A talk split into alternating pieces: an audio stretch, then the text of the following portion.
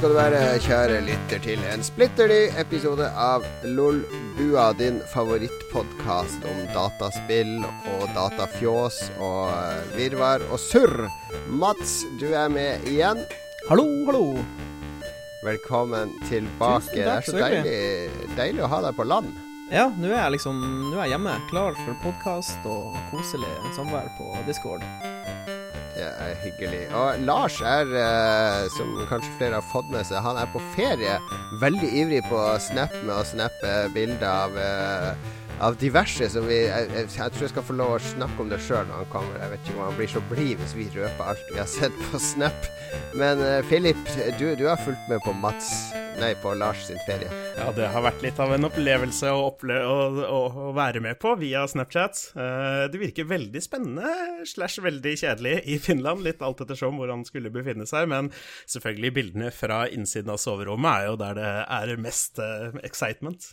Ja, det er eh, så, Som jeg sa på Snap her om dagen, den begynner å minne mer om Aktuell rapport, den der eh, Snap-kanalen vår, enn eh, en, en slags redaksjonsprat. Ganske steamy. Hot and steamy.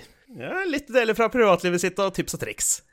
Hot and steamy. Velkommen skal du være, Philip. En stund siden sist. Jo, tusen takk, tusen takk. Det er godt å være tilbake.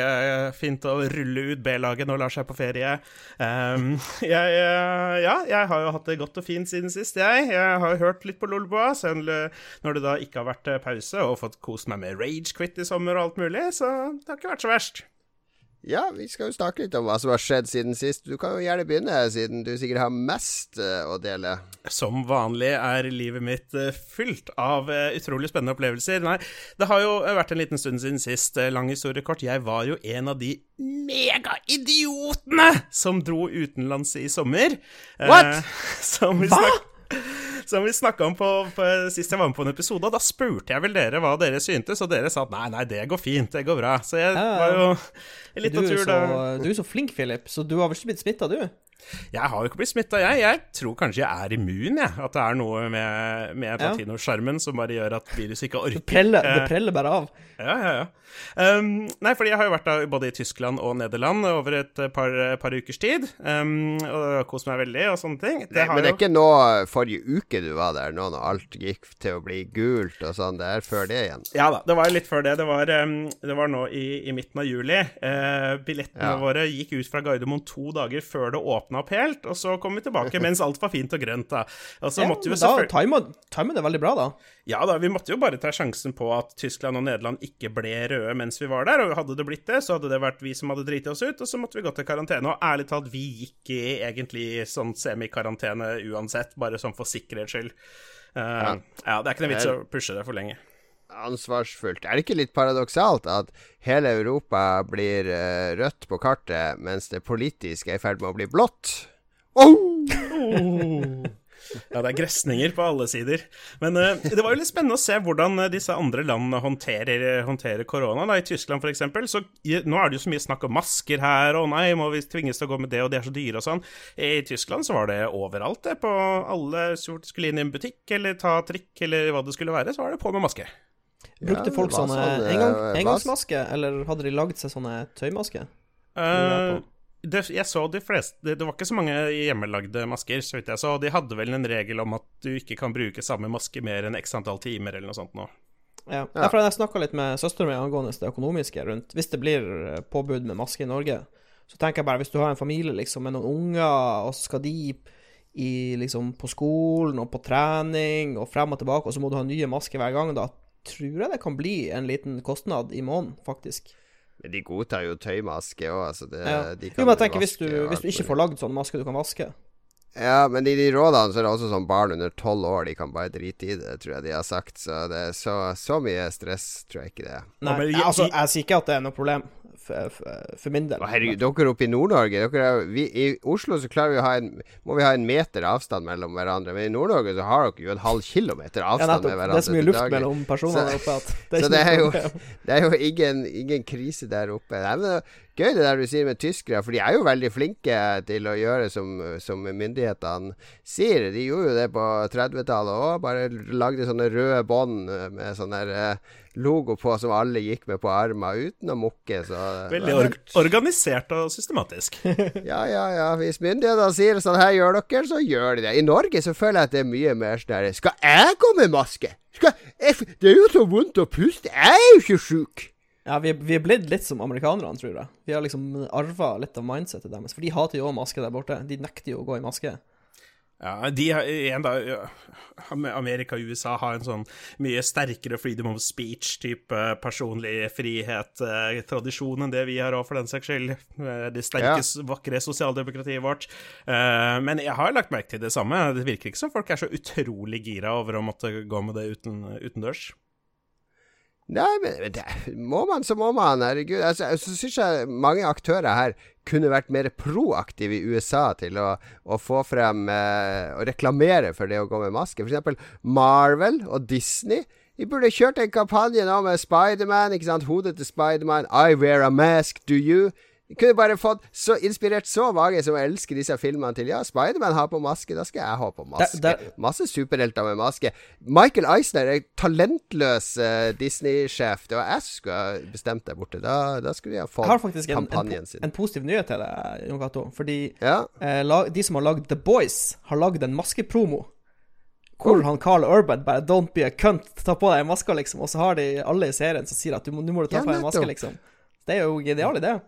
Våge å ta litt standpunkt, syns jeg. Ja. Ellers ve veldig typisk uh, Oslo kommune å snappe opp stortalenter rett foran uh, Disney. Uh, nå igjen.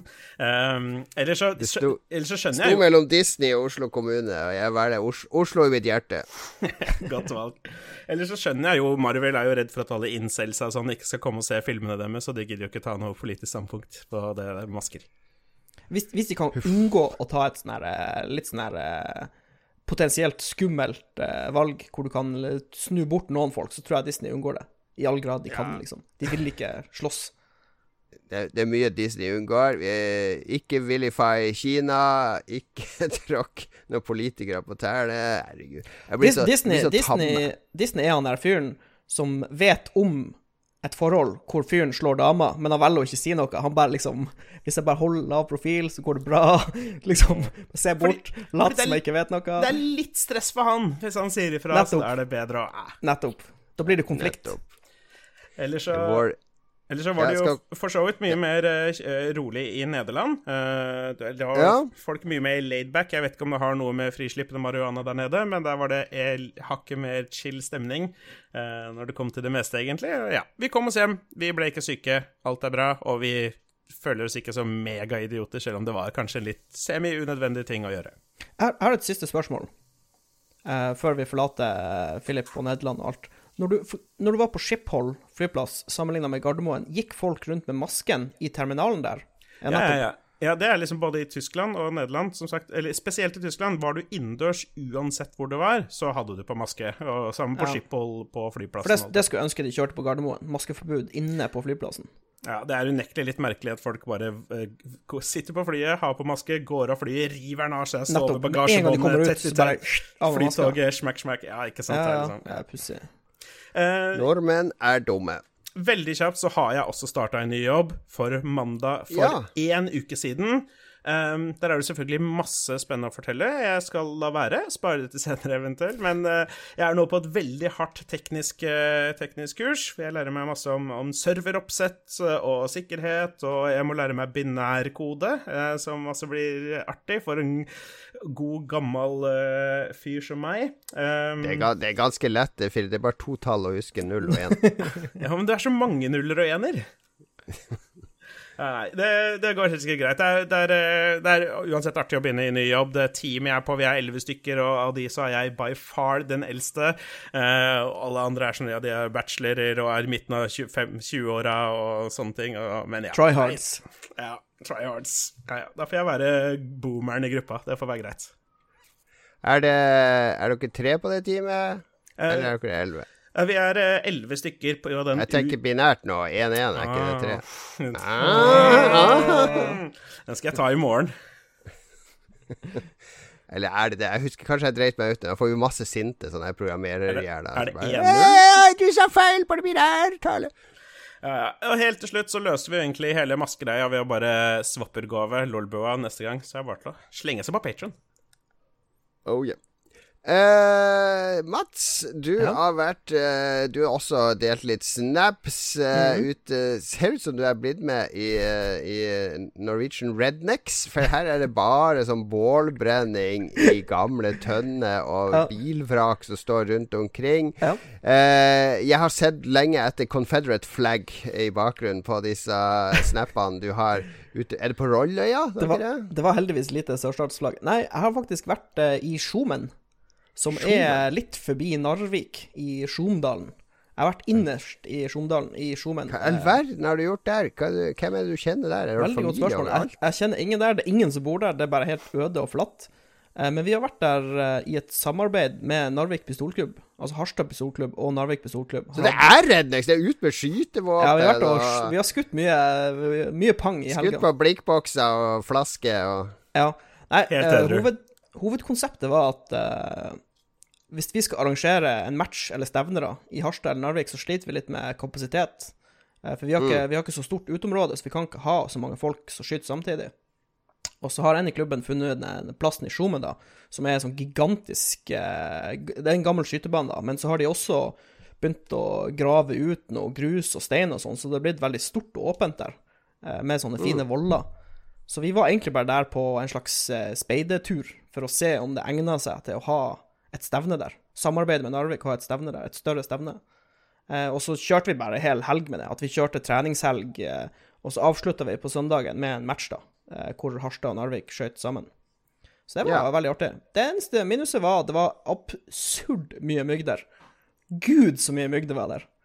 Som bare Jeg hadde jo med meg masse spray og greier, men det, det hjelper jo ikke hvis myggen er helt krakilsk. Han, han, han bare moser på. Så jeg er blitt bitt eh, veldig mye rundt anklene og eh, på albuen og på hendene. Så jeg har sikkert 70 myggstikk på kroppen min nå.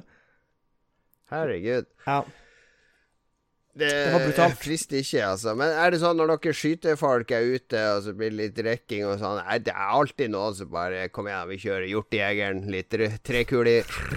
Heldig, Kom igjen Mats. Kom igjen. heldigvis, heldigvis er vi en veldig voksen, ansvarlig gjeng. Så vi kjører liksom Er det ingen sånn kom igjen, Det må være noen gærninger i de klubbene. Nei, det er- det er- Guns, guns, guns! guns! Ikke, ikke, ikke organisasjonen vår, for det er liksom det eneste Hvis det er én ting vi terper på hele tida i dynamisk sportsskyting, så er det sikkerhet. Alt skal være sikkert. Så Ja. med en gang noen føler seg utrygg, så er det bare å si fra. Men vi er, vi er voksne, voksne folk, så Men, men Når vi- det, når vi er, spretter det er fasaden når dere er sammen, for jeg vet jo at du inni hjertet ditt, Mats, er jo du litt sånn Guns, guns, guns, guns, Jeg syns det, er- det er veldig kult med skytevåpen, men jeg vil ikke at noen skal føle seg utrygg hvis jeg står med et skytevåpen og noen er i renten. Så vi er, vi, er, vi er utrolig tørr på akkurat det. Det er ikke noe eh, tull der. Men apropos Ja. tørr, hvordan er da overgangen skytevåpen til alkoholkonsum? Nei, altså, enkelt og greit. På dagtid når det er lyst, så, og vi holder på med trening og skytevåpen, så er det greit. Da er det null alkohol. Det er ikke lov til å lukte på øla engang. Eh, Når vi er ferdig for dagen og pakker alt ned i bagene og låser bilene og pakker alt bort, da kan du sette deg ned foran bålet og sprette ei øl. Men ikke noe sånn herre Det er ingen som drikker seg dritings, liksom. Det, da det er, u, det er ikke OK. Så du, du drikker liksom fire pils, og så hiver du deg i soveposen, og så spiser myggen deg opp. Er det sånn kristen skytegjeng der, eller? Nei, vi drikker vi, Nei. Vi koser oss jo. Det er jo kjempetrivelig. Du trenger ikke å drikke deg full for å ha kose deg. What?! Det er nytt for Jeg vet meg. ikke hva dere har har blitt fortalt, men det går Det fint jo, an å drikke. eh, altså, drikke grunn, grunnen til at jeg drikker, er jo å holde ut andre mennesker, Mats. Det, Ja. det er jo hovedgrunnen til at jeg drikker. Ja, men vi, vi er så trivelig gjeng, vet du. Vi, kan, vi, vi sitter bare og prater bullshit eh, og koser oss, liksom. Vi, eh, alkoholen Ja, det er bare det. sånn en bonus på toppen. Er det mye vin på sofaen med kona og sånn, Jan Cato? Eh, nei, drikker veldig lite hjemme. Her trenger jeg ikke Ja, ok, bra. Ja, ok, ok. Det var, et- det var et kontrollspørsmål av han Philip. Meget godt kontrollspørsmål. Nei, men det, var, det, var, det er lenge siden jeg har vært eh, Det er lenge siden jeg liksom har overnatta ute, så det var veldig, det var veldig artig, egentlig, å eh, koble, koble seg litt inn i naturen igjen.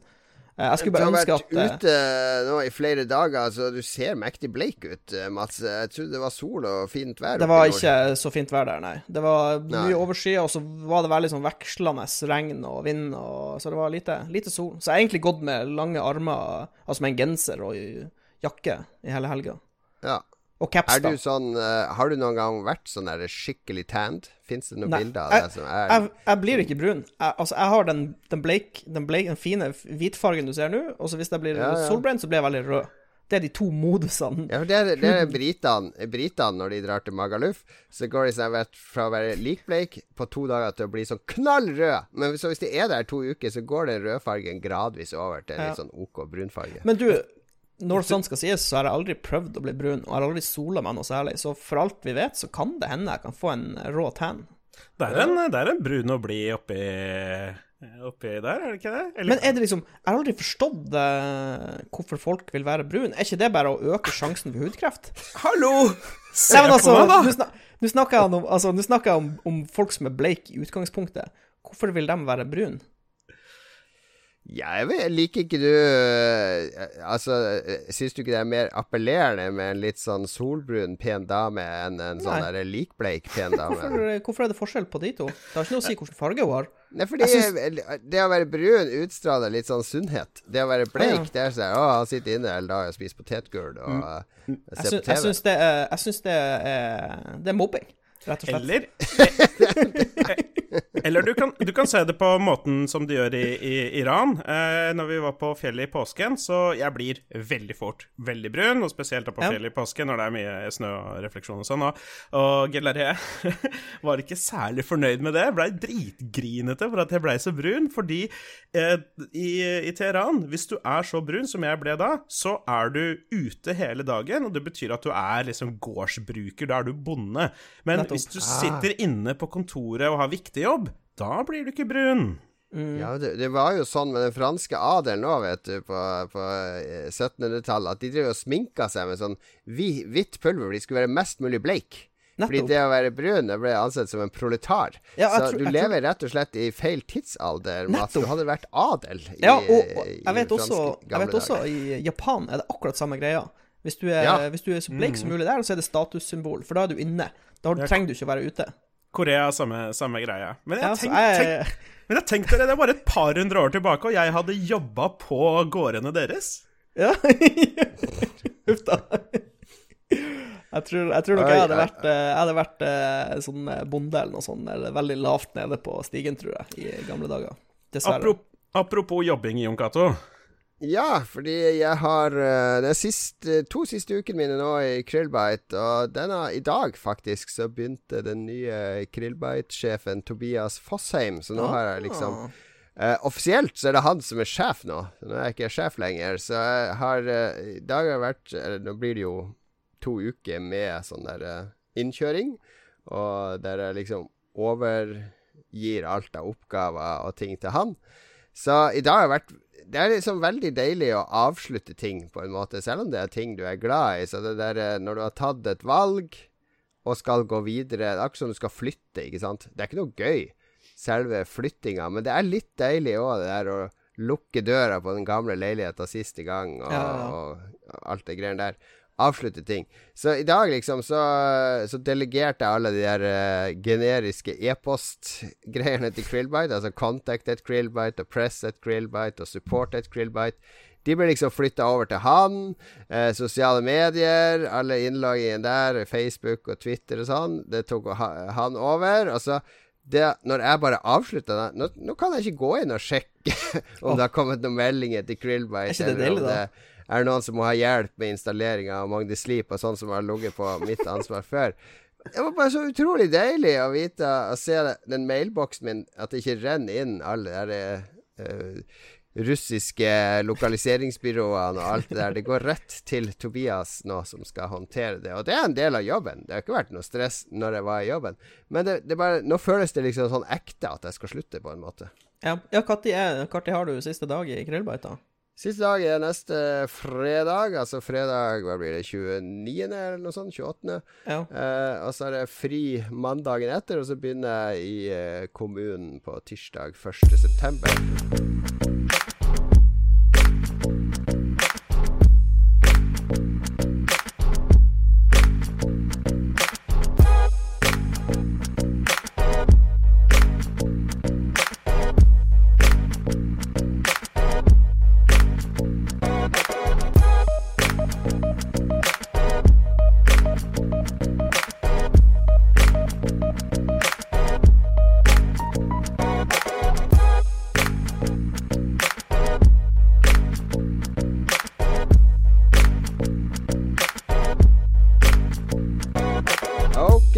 Okeli-dokeli. Da har vi kommet til eh, den aller fasteste av de faste spaltene. Den er like fast som rumpa til Philip etter at han har løpt 10 000 meter på under én time.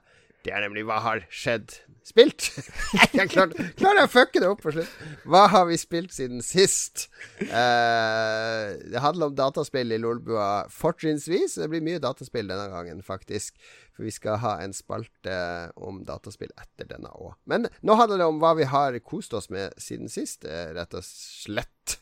Og uh, Mats, du ja. er ikke mye nytt du Nei, jeg må, her må jeg dessverre bare beklage. Jeg har fått spilt veldig lite uh, datamaskin. Eller jeg har fått spilt lite i det siste. Jeg har ikke fått spilt så mye.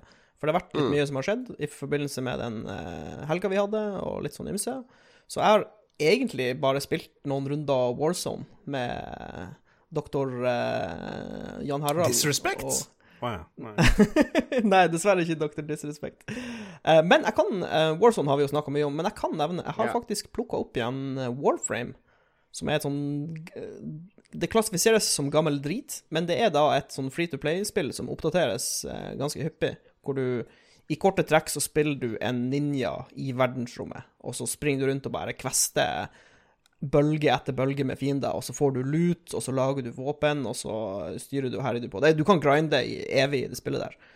Uh, det er litt sånn um, Destiny-aktig, bare yes. mer akrobatisk og ja. mer Malay, kan du ja. si. Stemmer det. Stemmer ja. bra. Uh, og grunnen til at jeg plukka det opp igjen, er fordi det kommer ei ganske stor oppdatering i slutten av august, som heter Heart of Damos, uh, hvor de opp, det kommer et helt sånn nytt uh, områder, da, med open mm -hmm. world og missions og game modes og styr og greier. Så jeg tenkte det kommer jeg til å spille, så da, jeg, da liker jeg å sette meg litt inn igjen. For det er jo flere oppdateringer jeg har gått glipp av. Har, du kan jo bygge sånn her stort skip nå, så du kan styre sammen med flere av vennene dine, og det har kommet masse greier som jeg ikke har sjekka ja. ut. Så det er litt sånn, det blir litt som et nytt spill når du har vært borte et år og bare fyrer det opp igjen. Så det er ganske artig. Det har jo en ganske etablert spillebase, det spillet. Ja, veldig. De har fått litt jeg har fulgt litt med på internett, og de har fått litt pepper det siste året. For de har, de har lova veldig mye, og så har de kanskje ikke fylt alle de lovnadene. Så det, jeg vet at litt av spillebasen har snudd litt mot uh, Digital, Digital, Extremes uh, på grunn av det, da. Men jeg så nå på den presentasjonen av Heart of Damos, så har de liksom det er ikke noe sånn over the top hva de lover. Jeg tror de kommer til å levere alt de har vist fram i videoen. Så jeg tror de har litt, blitt litt flinkere å skru tilbake forventningene noen hakk, og ikke legge lista for høyt. Så jeg har eh, trua på det, absolutt. Men hvordan er det med Warframe hvis du er helt ny spiller? Jeg har, jeg har spilt det litt, men jeg føler ja. at jeg har bare skrapa overflaten, og så ja. ser jeg jeg klarer ikke å se enden på tunnelen til at jeg kommer dit hvor jeg føler at dette er et univers er en del Det er litt som EVE Online, ja, som også har skrapa overflata på mange ganger. Ja. Fordi det krever så mange timer før du liksom har uh, fått deg et par av disse Det er ikke skins det heter, men det er sånne ja, de, de, de warframene, da. Altså, det jo, ja, en, en warframe er jo litt som en klasse. Den har egne abilities, og det, ja, finnes, det finnes jo 40 Det går ganske lang tid før du har litt forskjellige warframes, før du har ja, det, de og sånne ting. Så jeg føler at det er ikke noe Det, så, det ber om altfor mye for meg. Nettopp. Og det er et veldig godt spørsmål, fordi akkurat nå i Warframe, hvis du aldri har spilt Warframe og laster det ned og fyrer det opp, så er det, det er en ganske dårlig introduksjon for nye spillere. Fordi den nye delen av spillet eh, er så gammel at den er helt ja. fullstendig utdatert. Og alle de kule questene og det kule innholdet kommer veldig langt etterpå. Så det er en, en av tingene som skjer i Heart of Damos, Eh, den store utvidelsen i slutten av august, er at de uh, har lagd en helt ny uh, begynnelse for nye spillere, uh, med story og introduksjon og alt. Så forhåpentligvis så blir det en mye smidigere opplevelse for nye spillere. At det liksom at det går litt kjappere. At du, at du liksom får warframen din litt opp i level og får litt abilities litt raskere. For nå går det ganske mange timer før du yeah. spiller spillet, på en måte, som du sier. Så jeg, jeg håper virkelig at de har tweaka det en del. Så det, det gjenstår å se, da, i i uh, slutten av august. Det er bra å høre. Jeg kan ta det jeg har spilt siden sist. Uh, kanskje noe som du har lyst til å sjekke ut òg, Mats. For jeg har oh, ja. vært litt innom uh, Eve Echoes. Uh, Eve Online er jo nå lansert til mobiltelefoner og tablets. Både Android og IOS. og det er basically hele Eve Online i mobilformat, som høres ganske What? amazing ut. Ja, men EVE Online, husk at EVE Online er 17 år gammelt. Det kom i Ja. 2003 første gang. Så, og EVE Online, for de som har spilt det, går basically ut bare å trykke på knapper. Uh, det er veldig lite manuell kontroll over noe. Du styrer ikke Ja, du romskip sitter liksom ikke i cockpiten på Nei, du, og du lister opp uh, hva er det som er til stede i mitt system. Ja, det er romstasjon. Trykk på den. Trykk på reis dit. Trykk på orbit. Trykk på orbit 5000 meter. Trykk på skjold. Trykk på skyt. Ja. Så, så, så alt det er, er liksom Den layouten er veldig intuitiv. Eh, og måten du rigger skip på, for det er jo drag and drop med komponenter, og så ser du på uh, hvor mye strøm du bruker, og balanse og sånne ting. Ja. Så, så de har klart å bevare hele opplevelsen. Og det som de også har gjort, er jo null Det er egen server her, da. Så du er Ja, ikke på samme serveren som de PC-spillerne, så du Yes. kommer ikke inn i det helvetes uh, det var kaoset som de, de har skapt, og alle de faksjonene.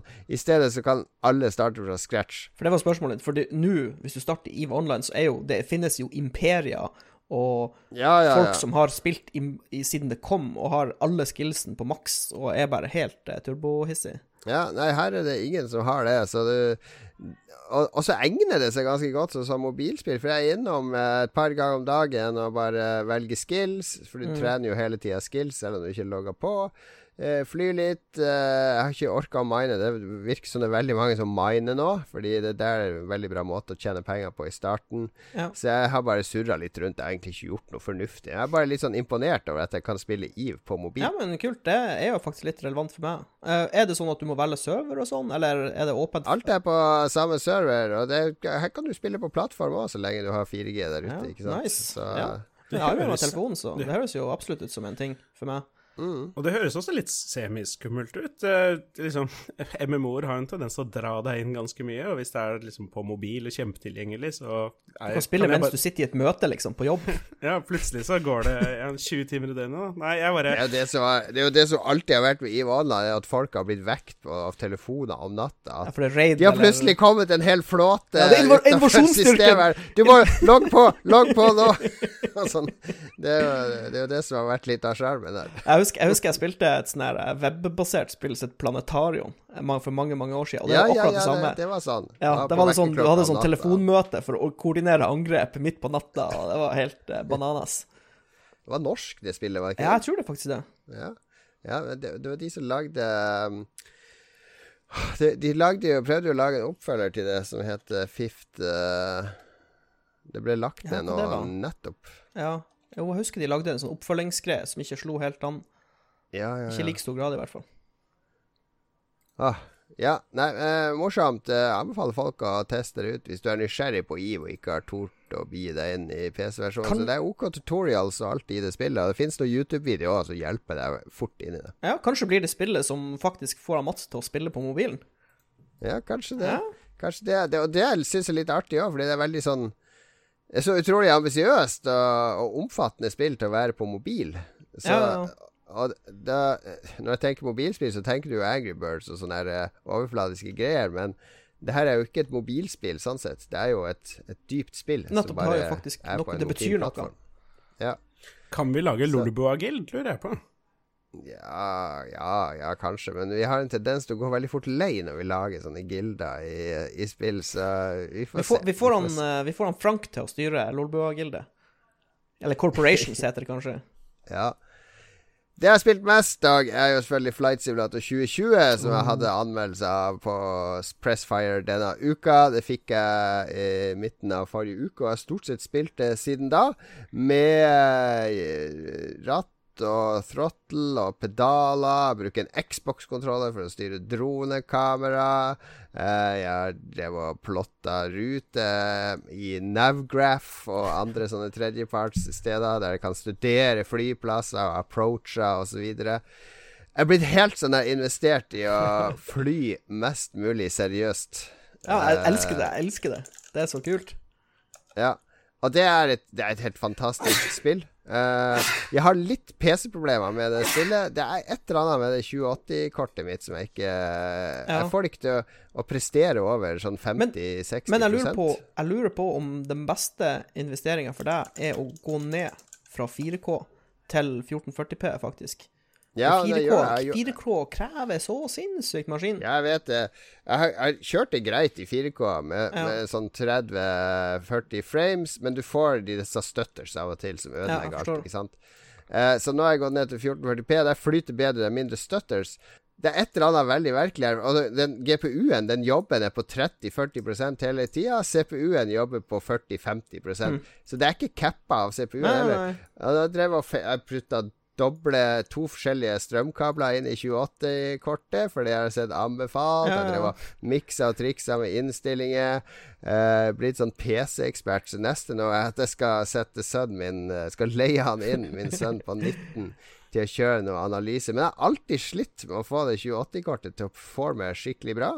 Eh, det er litt samme i Warzone. Jeg får sjelden over 110 frames, og selv om jeg kjører ganske mye ned på Ja, ja, grafikk og sånne ting. Hm. Nei, det høres jo ikke helt uh, rett ut. Nei, jeg vet ikke om det er eh, eh, om, om motherboard eller noe sånt. Jeg mistenker at det kan ligge et eller annet der. jeg- Ja, for det går jo an å oppdatere eh, BIOS og sånn. Altså. Ja, det har jeg gjort. Ja, okay, gjort ja. alt. Gjort alt. Men det kjører greit, ikke sant? Det, det, det har ikke noe å si at jeg flyr i 40 frames med, med high eller det meste på ultra på ja. 14. ja, for det er det som er så fint på Flight Sims. For alt går jo så sakte, på en måte. Ja, for én ting jeg har trua på Nå blir det utrolig teknisk prata, men uh, det jeg har virkelig trua på, er DLSS for fremtida. At i stedet Mm. for at vi skrur oppløsning opp til 4K, så spiller vi på en lavere oppløsning, og så bruker vi deep uh, learning supersampling for å gjøre grafikken skarp. For jeg testa det i kontroll, uh, og da prøvde jeg først å spille i eh, 1440P på, på PC-en min, uten noe Mm. triks. Og da hadde jeg, jeg hadde ikke så supermye FPS, så jeg syntes det var litt dårlig performance. Og så googla jeg litt, og så sa folk skru på DLSS, skru ned oppløsninga. Så gjorde jeg det. Og spillet ser enda bedre ut, og det flyter Mm. dobbelt så mye. Det er bare helt absurd forskjell. Så jeg har virkelig trua Ja. på det for neste, neste gen og spillene fremover nå. Men Flight Simulator er et spill der mange er bekymra for å få det til å flyte, og jeg klarer det, selv om jeg mistenker at det kan flyte enda bedre med grafikkortet mitt. Og jeg tenker det er ganske bra opti optimalisert, så Det er bra det ikke Ja, kommer så- noe nytt eh, spennende graf på grafikkortfronten fremover, da, Jokato, som du kan bli frista av. Det hadde vært dumt. Vi får se, men jeg har ikke lyst til å bruke en million kroner på et nytt grafikkort hvis det også bare yter sånn 50-60 av Ja, det burde ja, det høres jo- For mitt, mitt, mitt blir liksom dytta på sånn Det er nesten alltid over 90% i hvor mye det brukes når jeg spiller, liksom. Så å si. ja, det er sjelden mitt blir det. Derfor jeg trodde to sånne strømledninger skulle fikse det. For det har jeg Ja, ja, ja. lest at hvis du har en sånn linka strømledning, så er det ikke alltid får nok strøm. Som, Men eh, nå ble det veldig så- mye problemer. Teknikkbua! Og sånn semi apropos begge deler som vi nettopp har snakka om, eh, så ringte det en bjelle hos meg. Det er en Twitch-streamer som jeg ikke husker hva heter. Han er fra Argentina. eh, Nico. Dal123 på Twitch. Han har lagd seg et sånn flight sim-opplegg hvor han sitter i en cockpit, en svær cockpit med masse greier, og han har noe sånn Sitter på en plate som beveger seg liksom etter liksom hvordan han ligger i lufta og sånne ting. 2,5 millioner dollar betalte han for det. Så ja. Jeg kan ikke du bare kjøpe deg et fly for de pengene? Ikke helt der ennå. Men for et spill. Altså, du kan reise hvor du vil. Så det er absolutt noe av det mektigste og artigste jeg har eh, lekt meg med i år. Og jeg gleder meg til å fly masse mer. Da er det Philip. Ja, jeg har spilt masse greier. Um, Uh, jeg fikk nettopp ny mobil da jeg starta en ny jobb, så da har jeg lasta ned masse spill. Sånn semi-apropos det. Jeg har ikke spilt noen av de enda, men kanskje Eve Echoes er det som får meg til å ta den i bruk. Em, jeg eh, fullførte endelig Last of Us 1. uh, som vi ikke gidder å snakke om. Men det jeg spilte før jeg starta på toeren, var dette Left Behind. Dette 1,5 DLC-en. Jeg vet ikke helt når det kom ut, men det var skikkelig, skikkelig bra. Ja, men uh, syns Ja. du ikke bare The Last of Us 1 var også bra, eller? Jo, jo, men Ja. det visste jeg på en måte fra før. Jeg har spilt Ja, sånn, ja. halvparten fra Ja. før, og alle, liksom, alle snakker om det som et veldig, veldig solid spill. Men Left Behind var jo nesten bedre, syns jeg. Det var jo selvfølgelig mye kortere, men det var liksom veldig Nei, jeg det vet ikke, det likte jeg veldig godt.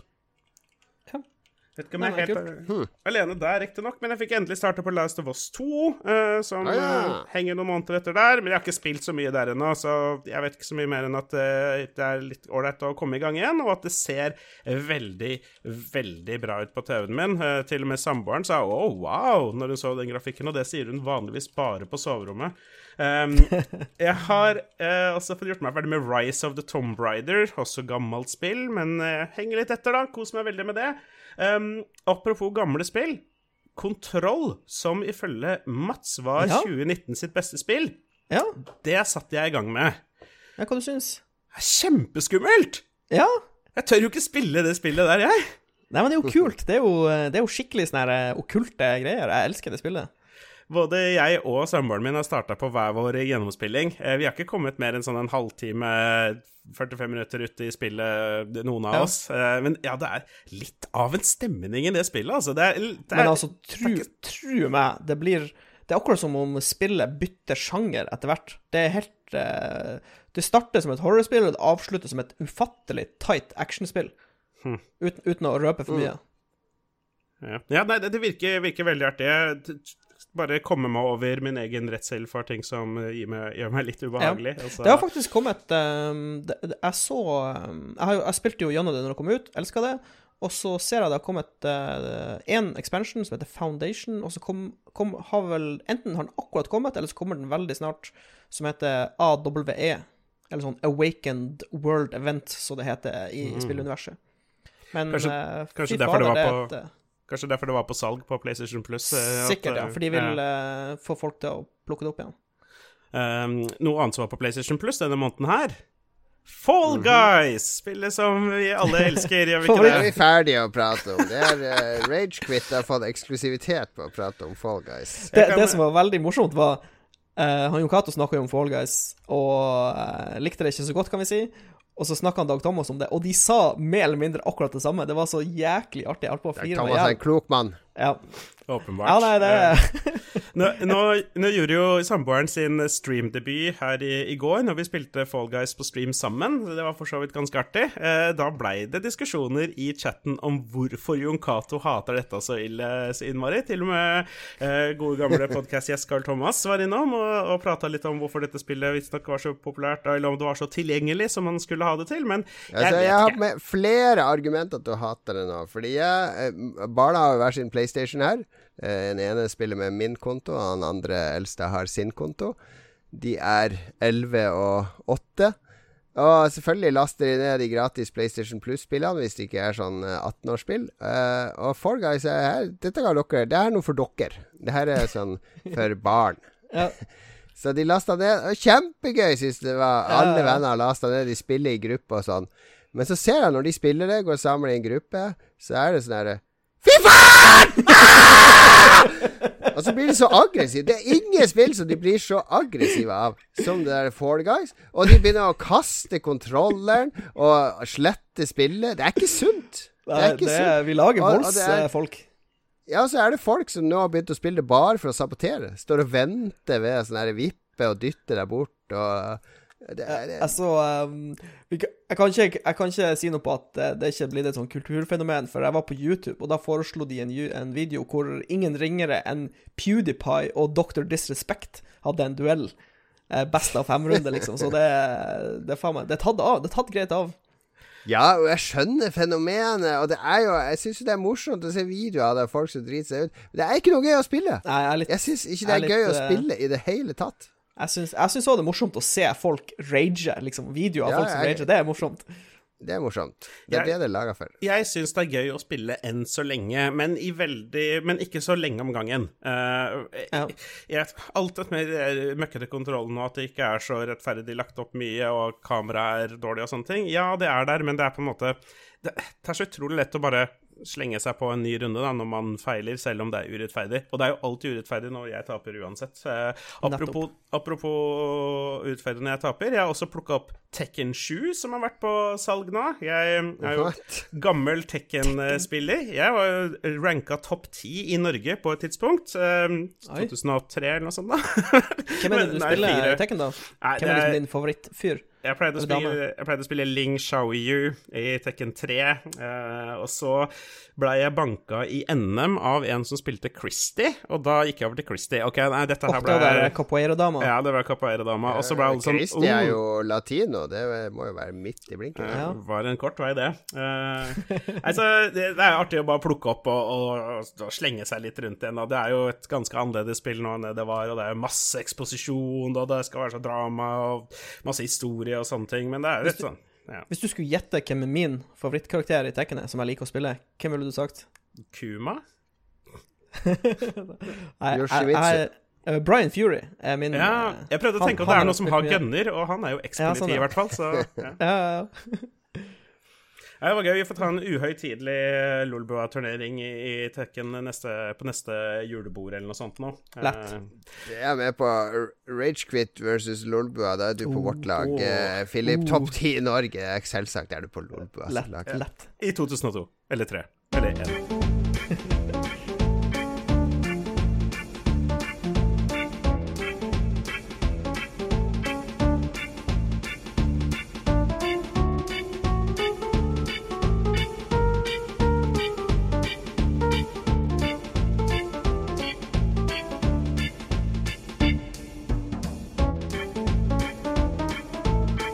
skal gå gjennom spillhøsten, fordi i går så spilte jeg inn uh, nyeste episode av Spillrevyen med min gode venn Rune Fjell Olsen. Fordi når en Olsen tar ferie, så må en annen Olsen inn og vikariere. Fly on the wings of love, kom Olsen ned. De er Olsen Brothers. Rune Fjell og Lars burde synge Olsen Brothers Ja. på karaoke. Det er en drøm. Det må vi få til. Det må vi få til en gang. Så morsomt var det ikke. Men nå ser jeg det for meg. Jeg- Det må skje på et tidspunkt, vær så snill. Åh. Det må skje på et tidspunkt. La oss uh, lage en tier på Patrion, så utelukkende skal gå til å betale Rune til å overtale han til å synge 'Fly on the Wings of Love' med Lars, så Olsen Brothers kan synge det. OK, eh, det var en avsporing. Men eh, Rune var, eh, nevnte for meg da, for vi snakka om at det kom så mye spill denne uka, at ja, nå er spillhøsten i gang, Jon Cato. Og det ga meg inspirasjon til at eh, vi må jo snakke om spillhøsten i Lolbua. Men vanligvis har du gjort det sånn Ja, hva kommer i august? Hva kommer i september? Hva kommer i oktober? Og så sitter vi én time og, og ramser opp sånne 50-60 spill, som er ganske kjedelig. Mm. Er så jeg tenker, kjedelig, vi sprer det ut, ikke sant? Vi ser vi tar vi for oss nå Hva som kommer resten av august?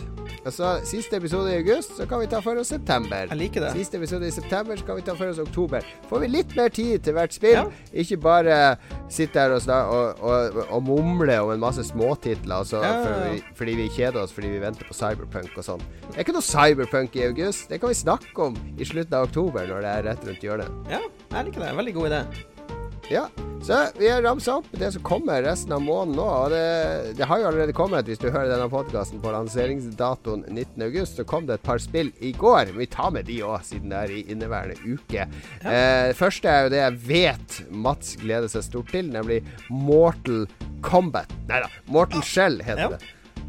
Jeg har em, Jeg så litt på noe De hadde jo sånn betatest eh, for noen måneder Ja, siden. vi snakka for så vidt om det i forrige episode òg, så, Ja, så stemmer. Så nå har jeg- det er. Er basic, altså det er Dark Souls-aktig spill. Eh, dark fantasy. Eh, fokus på combat med litt sånn trege slag og dodging og så videre. Og det Nesten plagiat, vil jeg si. Ja, litt sånn i grenseland, faktisk. For de, har, de går veldig for den samme visuelle stilen. Eh, så ja. Ja. kanskje i grenseland på kopiering. Men det ser, det ser ut som de har klart å lage et par interessante kampsystemer som ikke Dark Souls har. Blant annet noe som heter Harden, eh, hvor du på et eller annet vis kan eh, time det sånn at fienden tar skade hvis han slår på deg og lignende.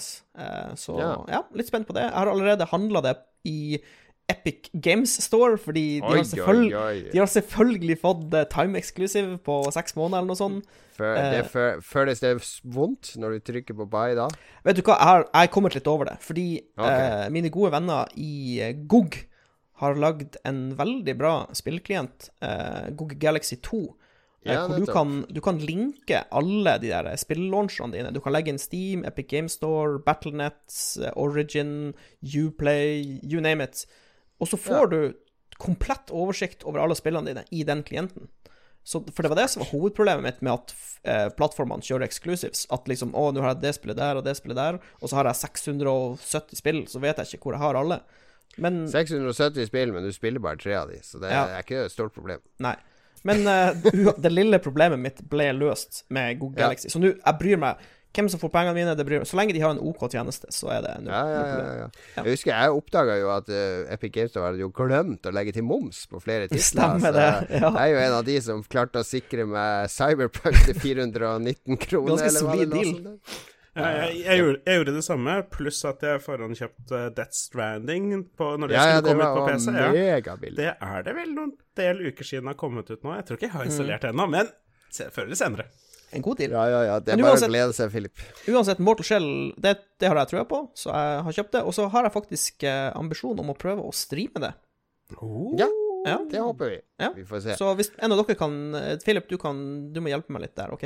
Veldig gjerne, Philip. Mats. Eh, Ja. og, og spesielt for å se deg nå spille noe sånt som det her, da. Det tror jeg er eh, veldig opp til din gate også. Jeg, Skal du, skal du gå inn helt blank, da? Ja, altså ikke helt- spille noe på forhånd? helt, det er det er kult. Det er kult. Ja. Det er bra. eh, jeg er også litt spent på dette spillet her. Det blir jo fremstilt som en Dark Souls, bare mindre. Eh, Kanskje også bare mer strømlinjeforma. Eh, jeg tror Polygon sa at det var sånn Dark Souls for de som ikke har tid til å spille Dark Souls. Det er egentlig litt meg. Så ja. Ja. Jeg må se på Mats først. For meg så er Dark Souls mye Det er den mystikken. Det er det å ikke vite helt hva som foregår, eller hva som er bra, eller hva som er dårlig, eller Ja, eh, hele tida bli overrumpla og, og bli jekka ned. Så jeg, jeg kjenner at jeg er litt skeptisk til at det er en sånn blåkopi. Så hvis vi skal gi sånn yay eller nei, og det skal vi gjøre på alle disse spillene, så Mats, Mortal Shell, yay, Yay. eller nei? Yay. Yay? Philip? Mats skal spille på stream. Yay! Ja. Det blir litt mye med tre Hvis det hadde gått an å ligge midt imellom, så hadde jeg vært der. Men jeg, jeg får si nei, så det blir litt balanse. Ja. Litt skeptisk. Litt skeptisk. Så går vi til det andre spillet som kom uh, denne uka, nemlig Flight Simulator 2020. Det har jeg spilt masse allerede. Det har vi snakka om allerede. Det er hele verden. Du kan fly hvor du vil. Masse fly, masse flyplasser, masse villmark. Uh, Norge er med, Grytøya er med, Harstad er med. Eh, Ibestad er med, Senja er med. Eh, Philip, du kan eh, Jeg har allerede tenkt å streame når jeg flyr eh, fra Colombia til Miami og slipper sånne pakker i havet i en gammel Cessna. Da kan du få være kopilot, eh, Philip, og så slippe pakkene ut. Ja, så gi det litt den autentiske følelsen, ja. Ja, ja. Nei, men det er et spill eh, Det er bare så utrolig deilig i virkelighetsflukt, så for meg så er det en soleklar jeg. Ja, jeg må si meg enig der. Eh, jeg skal Men det, det jeg gleder meg mest til, eh, er å fly plasser hvor jeg aldri har vært. Som yeah. fly over Tsjernobyl eh, til Patagonia i Sør-Amerika, liksom. Plasser jeg ikke har fått muligheten til å se. lang tur. lang tur hvis du skal fly fra Tsjernobyl til Patagonia. Nei, jeg tenker bare sånn enkeltturer. Å fly, Ja, ja, ja. fly i et sånn lite propellfly, sånn at du kan ha lav uh, lufthastighet, sånn at du kan liksom se ut vinduene og få observere litt. At du ikke bare suser forbi. Uh, Ja. Jeg har sett sånne folk som har drevet og plotta sånne turer rundt hele jorda. En sånn Ja. der 50 landing, ikke sant? Men kan, kan du liksom, hvis du vil, kan du bare skru av at du bruker fuel, og bare fly evig, liksom? Eller hvordan er det? Ja, det, det går an. Ja. Du kan tilpasse akkurat som du vil, men de fleste vil jo fly realistisk. ekte. Så de Ja, har, nettopp, at du de må har plotta på- sånn rute at du skal fly fra Berlin til Schiphol, fra Schiphol til Heathrow, fra Heathrow opp til Flesland. eh, fra Flesland opp til Evenes, fra Evenes opp til Svalbard, og så over til Grønland og Ja, ja, ja. Island osv. Så, videre. så du kan plotte hele verden og, og, og fly en sånn jordomseiling. En ting som jeg, jeg hadde lyst til å spørre om i stad, angående Flight Simulator um, Hva med et Flight Simulator MMO? Nei? Ja, kanskje. Ja, Ja. det er noen som har spekulert i om det burde være sånn økonomi i det, at du utvider flystallen din. At du har en hangar, liksom, med litt sånn Eurotruck Ja, ja, simulator. Mm. Du, det er ikke en Eh, dårlig idé. Nei. Og i og med at det er litt sånn åpen uh, API for tredjeparter til å lage ting, så kan det utmerket godt være at etter et halvt år så kommer det sånne kampanjegreier du kan kjøpe som gjør akkurat det, og som er online. Ja, fordi jeg... du- jeg, jeg, jeg skal bare, for å avslutte liksom jeg og nei igjen, siden dere to har gitt yay, så skal jeg gi nei. Fordi jeg har aldri Yeah. spilt et minutt Flight Simulator i mitt liv, fordi jeg liker å ha sex. Men når det kommer til et Flight Simulator MMO, så jeg kunne jo sitte i tårnet, tenker jeg, på Gardermoen Ja, ja, ja. eller nede i Bogotá eller noe, og så liksom kommer det folk inn, og så må jeg taxe de inn og gi de informasjon. Jeg tror det kunne vært litt artig. Ja. Være litt sånn support. Også, men Du må også huske, Philip, at uh, hvis du spiller Flight Simulator, så kan du også bli med i den der 10 000-metersklubben virtuelt. Du har jo til og med cockpiten på soverommet ditt. Det er bare å fly opp 10 000 meter, sette på autopilot og få inn kjerringa, så er det, det er medlemskapet i orden. Veldig bra. Bra tips. Og Ok, eh, i dag, faktisk, denne dagen som podkasten kommer ut, så lanseres et eh, hysterisk morsomt norsk spill som heter Helheim Hassle. Det er Perfectly Paranormal som står bak. De lagde et spill som heter Manual Samuel, som for de som ikke har spilt det, oh, sjekk det ut. Det koster 30 kroner eller noe sånt. Du skal styre en dude som blir drept, og så våkner han til liv igjen, men du må holde han i live med å gjøre alt. Du må puste inn, ut, blunke med øynene, eller så tørker de ut. Du må styre høyre bein, venstre bein, Ja, er fantastisk armer, holde han oppreist. Det er så morsomt. Uh, og det er uh, Mesterhjernen bak denne humoren er jo en som heter Osan. Eh, som eh, jobber i Hamar Game Collective i dette selskapet. Han er jeg tror jeg og Rune i forrige spillerevyen vi kalte han for Norges Tim Shafer. Fordi han er genuint den morsomste spillutvikleren som er i Norge. Genuint morsom. Så Helheim Hassel, det, det er sånn vikingeventyrspill der du kan ta av og på kroppsdeler. Eh, masse, masse, masse dialog. Vittig dialog. Dette skal jeg spille. Ja. Gi stor jeg fra meg. Jeg leste litt om det, og det virker jo helt sprøtt med en vikingfyr som bare ikke har lyst til å bare være viking og vil bare chille og stikke til Helheim og Jeg vet ikke, jeg, jeg vet ikke, jeg syns det Jeg liker litt absurde ting, så yay fra meg òg. Ja, basert, basert på tidligere spill som har blitt lagd av samme fyren. Yay. All right! Det første tre trippeljegeren er Helheim Hassel. Altså, tror du ikke vi får Lars til å streame det her? Jo. Ja takk. Ja, ja. Ja. ja. Lars, du må streame. Det er en request fra redaksjonen. Så er det 20. august, da, torsdag eh, denne uka. Battletoads kommer endelig. Eh, er det noen som vil si Altså, Battletoads er gammelt eh, Rare-spill som eh, Det må vel sies å være litt inspirert av Ninja Turtles. Her er det padde i stedet for skilpadder Ja, som er ute, og går på to bein og slåss. Så var det jo ganske kjent for vanskelighetsgraden sin, for det var jo utrolig vanskelig Det var et Nintendo. utrolig vanskelig spill. Så det er et gammelt, råttent, uh, vanskelig spill som uh, har blitt oppussa og gitt ut i ny utgave for en haug med, med menn i Fedora i 40-årene kan juble bare 'Å, det spillet spilte jeg da jeg var ung! Det skal jeg, å, jeg gleder meg, jeg skal spille på nytt! Takk, Microsoft!'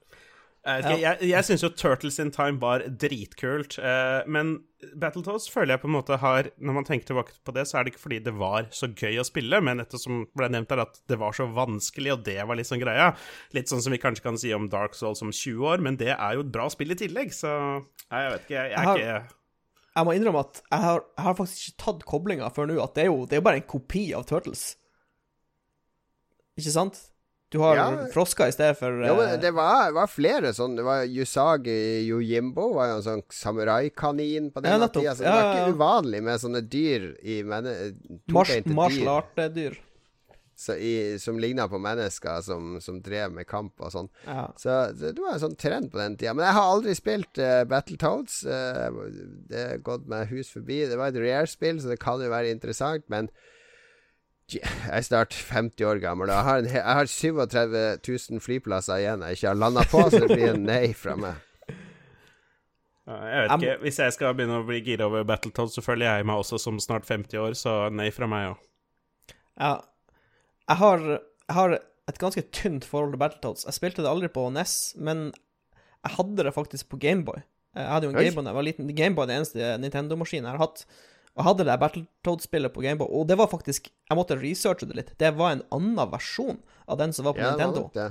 Men den var også dritvanskelig, så jeg husker jeg kom forbi første brettet én gang, og så døde jeg vel sånn ti sekunder ut i andre brettet, og så bare tok jeg ut eh, disketten, så la jeg den i hylla, og så spilte jeg det aldri igjen. så jeg er jo litt ferdig med Battletoads, må jeg innrømme.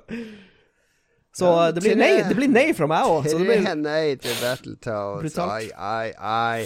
Microsoft. En flopp! En flopp! Hvorfor har dere satsa på denne floppen? 21. august, Samurai Jack Battle Through Time. Dette er jo min gode venn Magnus. Han elsker jo Samurai Jack. Jeg tror det er litt sånn forskjellige sesonger. Ikke alle er like bra, men uh, det, det er tegnefilm. Jeg er Mm. voksen mann, jeg ser ikke sånn. Så Nei, Jeg har ingen forhold til Samurai Jack. Jeg aner ikke hva dette spillet skal gå ut på. Det ser estetisk pent ut. Men et lisensspill basert på en tegneserie, jeg vet ikke. Jeg sier nei.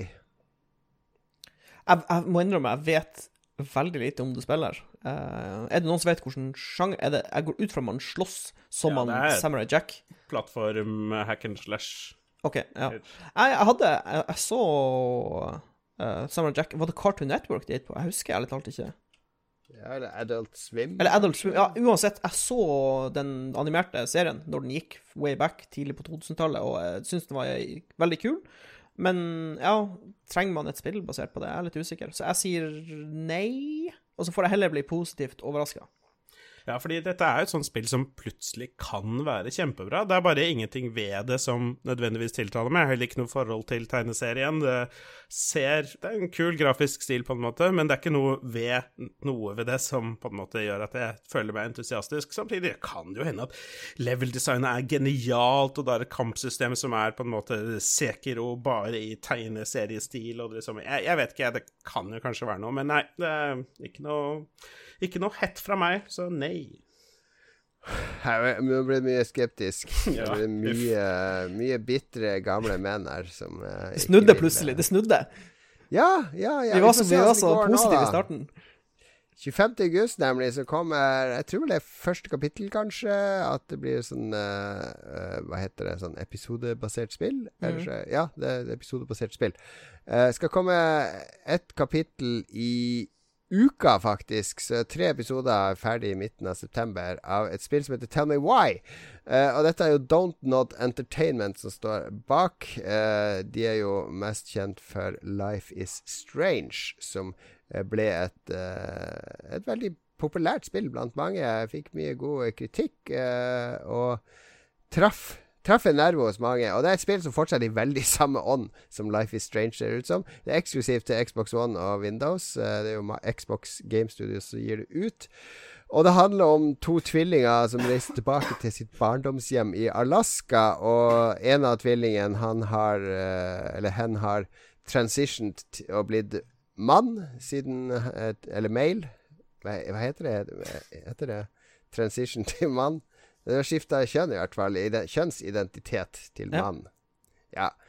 ja. F2M. så Så det er fundamentet. da, Det er jo come to terms og dit og dit. Virker Så det er veldig mye drama. Veldig mye drama. Jeg må innrømme at Life is Strange ble for meg Det ble litt Jeg liker ungdomsdramafilmer på mm. visse områder, men Life is Strange ble litt sånn der eh, overdose av det for meg. Eh, Tidsreisinga var kul, men det ble litt mye sånn langdryg dialog. Men samtidig så Alt handler jo ikke om meg heller. Alt, det skal ikke være Jeg kommer ikke til å spille det spillet, det vet jeg. Men jeg, jeg håper at dette spillet blir en suksess og resonnerer sterkt blant folk som er yngre enn meg, eller eh, liker denne type spill. Så jeg skal gi det en jøy faktisk. Ja. Jeg synes Jeg likte Life is Strange. Uh, jeg har ikke fått spilt alle episodene, men uh, jeg syns det var veldig sånn friskt pust. Så eh, Og det høres ut som de Det er jo litt kult at de har en karakter som, som bytter kjønn og sånn, så det er jo kanskje litt greit å, å få det inn i spillverden også. Så jeg Ja, må er bare gi det jeg Første, første gang tror jeg en, en transperson har hatt hovedrolla. Ja, det er jeg veldig spent på. Er jo f.eks. eh, Red Crew har jo hun Kristine. Du var vel på stream med hun eh, Philip. Yep. Jeg er veldig spent på hva transmiljøet tenker om det spillet. Om de føler at det er en, en god representasjon. Det er jo også en transperson i Last of Us 2 eh, som eh, har fått litt eh, både positiv og negativ eh, Oh oppmerksomhet. my god, spoiler! Sorry. Sorry. Nå skal jeg kose Ja. meg med det spillet og alt mulig. nå er det ikke noe vits i. Nei, jeg, jeg, jeg, det er jo Representasjon er jo bra. På Ja. For det absolutt aller meste så er representasjon eh, bra. Eh, så sånn sett så er det jo det bare noe å være optimistisk over. Og så er det jo spørsmålet om spillet er bra, om spillet er gøy. Det hadde jo vært bra om det hadde vært det, for representasjonens skyld også. Eh, jeg, jeg, jeg er ikke jeg, Dette klarer ikke å engasjere meg noe særlig heller. Det er noe spesielt med når du spiller nåtiden, og så er mye av spillet flashbacks, men så vet du at det går bra, for de er jo her i dag, så liksom, hvor ille kan det gå? I guess, jeg vet ikke helt, jeg. Eh, Vet du hva, jeg har akkurat samme problem med film. Hvis det er sånn der eh, Det begynner med at han skal eh, sitte i nåtiden og fortelle om noe som skjedde i gamle dager. Så åh, det er ingen, ingen risiko for denne personen i det hele tatt. Ta bort hele spenninga. Men på slutten så panner de ut, og så har de mista både armene og benene sine. Ja, eller så eh, er det gjenferdet som narrater. Ja, CGI-versjonen av personen. Ja, ja, Jeg klarer ikke å tenke på dette spillet her uten å tenke på Backstreet Boys og Tell me why! Så ja, nei. All right. Uh, hva ble det? Det ble to yeas og en nays? Ja. En nei. En nei, mener jeg. Uh, vi er snart ferdig. To spill til som kommer i august. I hvert fall ifølge releasekalender til gamer.no, som er det jeg har sjekka for, eh, for eh, hva som kommer. Og Project Cars 3 skal komme 28. august. Oh. Jeg har ikke engang orka å google det spillet, fordi jeg regner med at du kan kjøre bil. Ja. jeg Tror det er biler. ja. Altså ganske realistisk bilkjøring òg, så vidt jeg vet. Ja, det, jeg tror det er litt sånn simaktig, Ja. faktisk. Uh, og noe av det kjedeligste jeg vet, er å kjøre bil. Hvorfor, hvorfor kjøre en bil i et dataspill når du kan fly et fly? Ikke sant? Ja, nettopp! Fordi jeg kommer ikke til å parkere flyet for å drive og kjøre rundt runder på en bane i Project Cars 3. Jeg har spilt Project Cars 2 nå, og det er Jeg klarer ikke å Bilspill fenger meg ikke lenger. Jeg trenger noe sånn burnout-aktig som kommer tilbake og, og, og, og gir de litt adrenalin igjen. Ja, Burnout er den beste bilserien. Gi meg takedown eller revenge hver dag. Jeg, li, jeg liker Jeg liker Jeg er faktisk helt i samme båt som dere. Jeg er ikke noen stor fan av bilspill, men når det er sånn her over the top, absurde hastigheter som du egentlig ikke kan kjøre, så er jeg om bord. Da er jeg med. Går det an å lage et Dark Souls-aktig bilspill? Ja? Å, nå begynner vi å snakke. Ja. Jeg bare spør. Jeg er ikke spillutvikler lenger. Selvfølgelig kan vi lage det. jobben, så det her må noen ordentlige, ekte spillutviklere ta seg av. Men bland Dark Souls med biler, så skal vi se at det kan bli interessant. Du, vet du hva, et bilspill hadde jo blitt bedre med litt sånn RPG-elementer. At du eh, får litt sånn her Du leveler opp bilen din, liksom. Og får uh, upgrades og Sånn som ja, du gjør jo det i Formel 1-spillene, f.eks. Spiller Ja. karriere, så får du sånne her, eh, nye oppgraderte deler og sånn. Kom an, du gjør jo det i Men Mujaffa-spillet også. utstyr. Jeg vil ha mer enn bare utstyr For et RPG hvor du bare bytter ut utstyret ditt, er jo ikke noe morsomt. Du må jo gå opp i level og få abilities og sette ut Ja. attribute points og sånn. Jeg hadde en idé til et sånt spill jeg hadde lyst til å lage en gang, som var et sånn JRPG, eller sånn RPG-aktig spill med bilkjøring i sentrum. Der du var en sånn ung eh, racerbilfører som begynte med gokart, og så var det en historie, ditt og datt, og arve en racerbil. Og så er det selvfølgelig sånne rivaler, og så er det litt sånn flåklippa, men med sånn pixel eh, Ja. 2D-RPG-stil. Noen bør lage det. Get on it. meg. Bare ta min idé. Ja, lag det, og så skal jeg teste det. For jeg gidder ikke å spille dette Project Racing Cars 3. Nei, jeg, jeg tror jeg, vi snakker en trippel nei her til Project jeg, vet du hva? På, på vegne av Christian så, så slenger jeg inn en jeg. Bare sånn, sånn så det ikke blir tre nei. Så, Veldig sympatisk, veldig sympatisk. Sist ut i august, Wasteland 3 kommer. Det er jo da denne rollespillserien For de som ikke vet, det første Wasteland er jo da det, det, den åndelige forløperen til Fallout-serien. Ja, Eh, det var det som stakk gammelt hele Ja, ja, det er et gammelt RPG. postapokalyptiske greia. Ja, gammelt RPG, slutten av 80-tallet. Veldig basert på Barts Tale-serien, og det spåna da Fallout. Og, men så har Wasteland fått en revival i det siste, mye takket være Kickstarter, Ja. der de fikk uh, eh, Brian Fargo, som da sto bak disse Bardsdale og Wasteland fikk penger til å lage Wasteland 2, som ble et helt OK RPG. Litt sånn der uh, Mangler, mangler det laget med polish for Ja, å det- gjøre det det til en litt- sånn det er litt klanky, Det skal Ja. jeg innrømme. Ja. Men Men nå kommer gan- ganske Ja. vellykka kickstarter-prosjekt. Ja, kul story, kule karakterer. Jeg spilte det en god del. Nå kommer treeren. Uh, fortsatt Brian Fargo og In Exile uh, som uh, lager det. rett rundt hjørnet. Så får håpe at det er enda bedre. Vet du, ja. spill som, vet du spill som har masse polish? Nei. The Witcher. Ja. Hæ? Hæ? Hæ? OK, vi ses om en måned. Snakkes. For det er fra Polen. Wasteland 3. Ja. Uh, jeg vet du hva, jeg gir det jeg, fordi um, jeg fikk ikke spilt gjennom Wasteland 2, men jeg elsker Altså, jeg, jeg liker postapokalyptiske spill, så jeg tror trea blir mye bedre enn toa. Alt blir smooth, blir awesome, og så blir det bra. Jeg, jeg, skal også gi det en jeg. Altså, budsjettet på spillet er tre ganger mer enn Wasteland 2, mm. så det virker som det kommer til å ha det ekstra Ikke at jeg er så overfladisk at jeg trenger så mye polish, akkurat, men blir det for clunky, så føles det bare som jeg spiller et dataspill. Det handler litt også om å leve seg inn i, i spillverden og situasjonene, så jeg gir det forsiktig jeg. Det har en uh, story-driven co-op-mode, og da er jeg oh. alltid, alltid med. Så jeg fra Philip også. Ja, kult. Altså, Spot on, men jeg, folkens. Jeg kan ikke tro, Jon Cato, at du hadde tenkt å hoppe over No Straight Road, som kommer ut 27, nei, 25. august. Da kan du starte Oi, klart det. Oi, vi hopper glemt den. Det, er jo, det er jo rett opp min gate. Start et rockeband og avslutt EDM-æraen i et action-adventure-spill som også er et rytmebasert spill. Oi, oi, oi. Oi, oi, oi. Det er jo Beat Saber, bare ikke Ja. Beat Saber møter Control. Å, det er perfekte det, for oss! Er det kanskje god tid? Er det god tid? god tid 2020? Uh, jeg vet har du sett noen trailere på det her? ja. ja.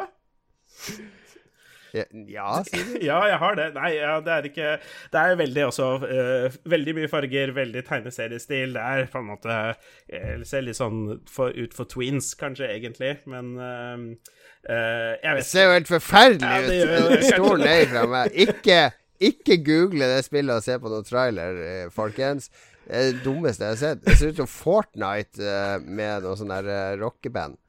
Oh. Ja, det ser så for, ja, Grafikkstilen er liksom Fortnite bare for et enda yngre publikum. Uh, så det er kanskje ikke den største, største styrke. Jeg vet ikke, jeg bare liker ting som har med rytmespill å gjøre. Ja. Jeg fra Yay. Philip jeg, jeg gir det jeg, jeg, elsker rytmespill, men det her Nei. Nei, sier det. Jeg, støt, jeg støtter på Jon Cato her. Jeg stoler på Jon Cato. Nei.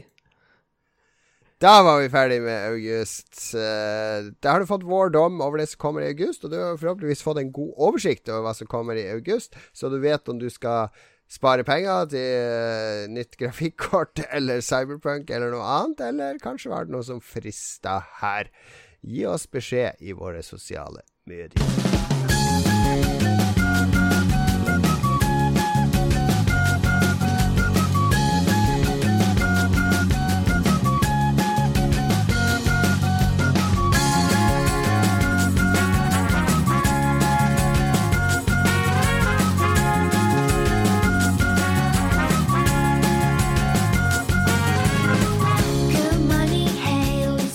Gleder vi oss til, er jo den helt nye spalten som er innført i høst. Det er mye nye spalter nå. Det er månedsspalten med Yay og nei, der vi går gjennom spill. Den vet jeg at de andre podkastene kommer til å tenke Å, det var kult! Det skal vi stjele. Men da sier jeg til dere eh, Level-landslaget og, og Nerdecrew og, og Rad Up og hva dere heter, alle dere konkurrerende podkaster.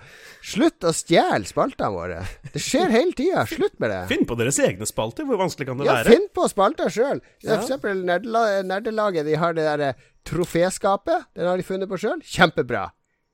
Ingen tør å kopiere det. Men når vi kommer med spalter, da er det fritt fram.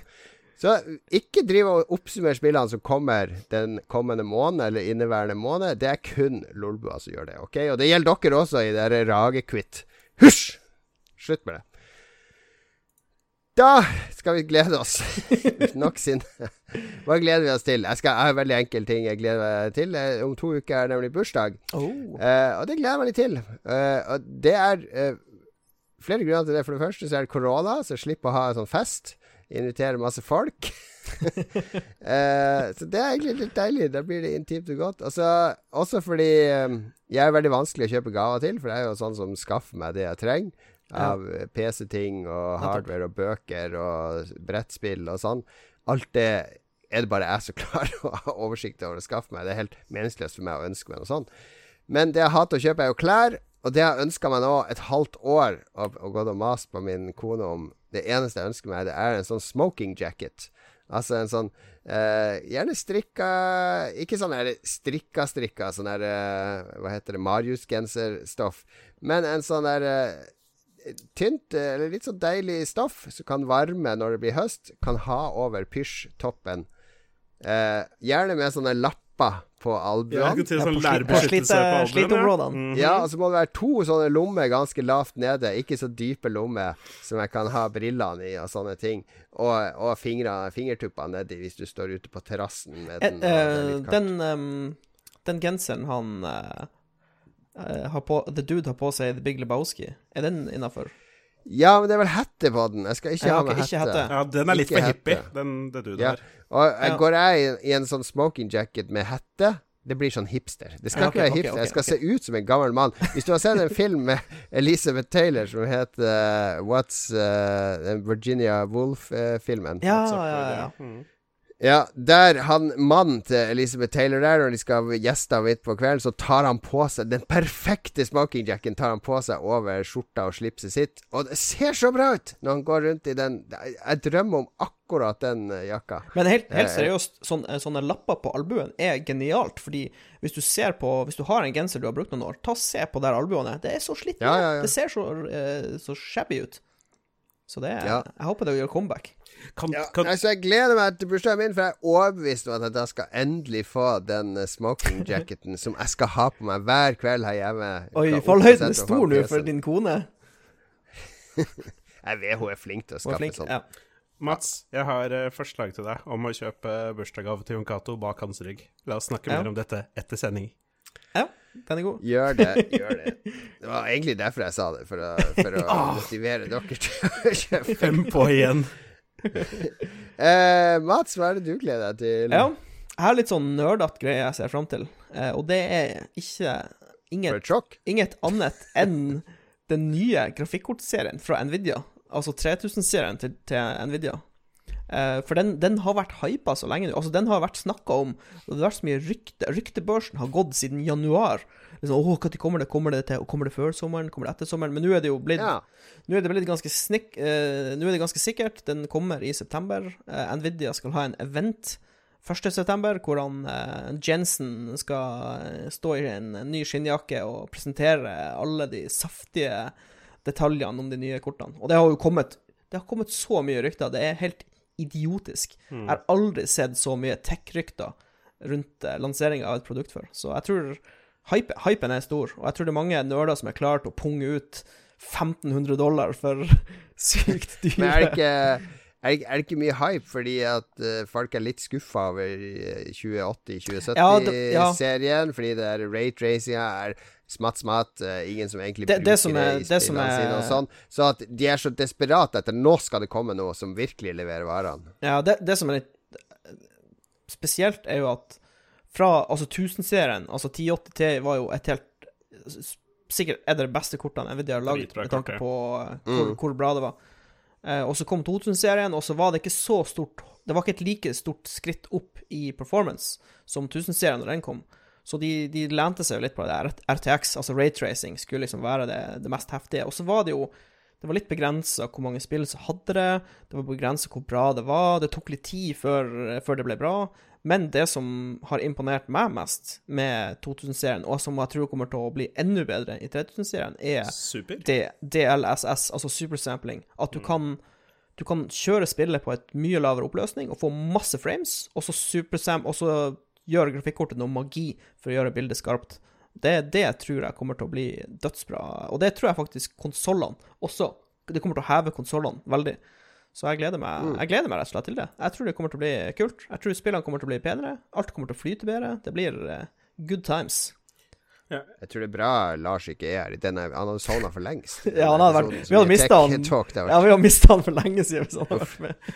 Jeg er også glad i PC-hardware, og jeg hadde denne på min shortlist om ting jeg skulle glede meg til i nøyaktig denne episoden. For ja, som Mats sier, vi har gått og venta så lenge og googla etter ting, og det kommer liksom ikke noe mer. Bare alle disse forskjellige ryktene som på en måte bare skaper denne ulmende hypen. Og uh, nå er jo ikke jeg og Mats de i Lolbø-redaksjonen som har den beste PC-en lenger, så da er det jo på tide at det kommer ut noe vi kan bruke pengene våre på. Ja. Men eh, det er blitt veldig dyrt med komponentene. Og, altså, når jeg begynte i Grillbite, når vi skulle kjøpe en ny Mac til en som jobba der, en Macbook, så fikk vi for 17 000-18 000. En ny tilsvarende Macbook nå er Ja. 33 000-34 000. Det er- Det, det ganske- samme gjelder laptoper og andre ting. Men Hvor er smertegrensa her? Hva om dette kortet koster 22 000? jeg har, jeg, jeg har uh, tenkt rundt 15K. Ja, Altså, hvis- Hvis, hvis, Ja. hvis, 20, eh, hvis det er 3080 Ti eller 3090 eller hva det, hva det heter, blir å koste 16.499, så er jeg litt usikker på om jeg blir å kjøpe det, faktisk. Da kan Ah, hende ja. jeg venter på noe som er For jeg tenker 15K for, et, for én komponent i PC-en, det, det kan ikke koste noe særlig mer enn det. det og det håper jeg Nvidia innser òg. Men hvis det er det samme hoppet som på TI-serien, og du slenger på 1500-2000 til for å få te over den vanlige, så det tror jeg jeg gjør.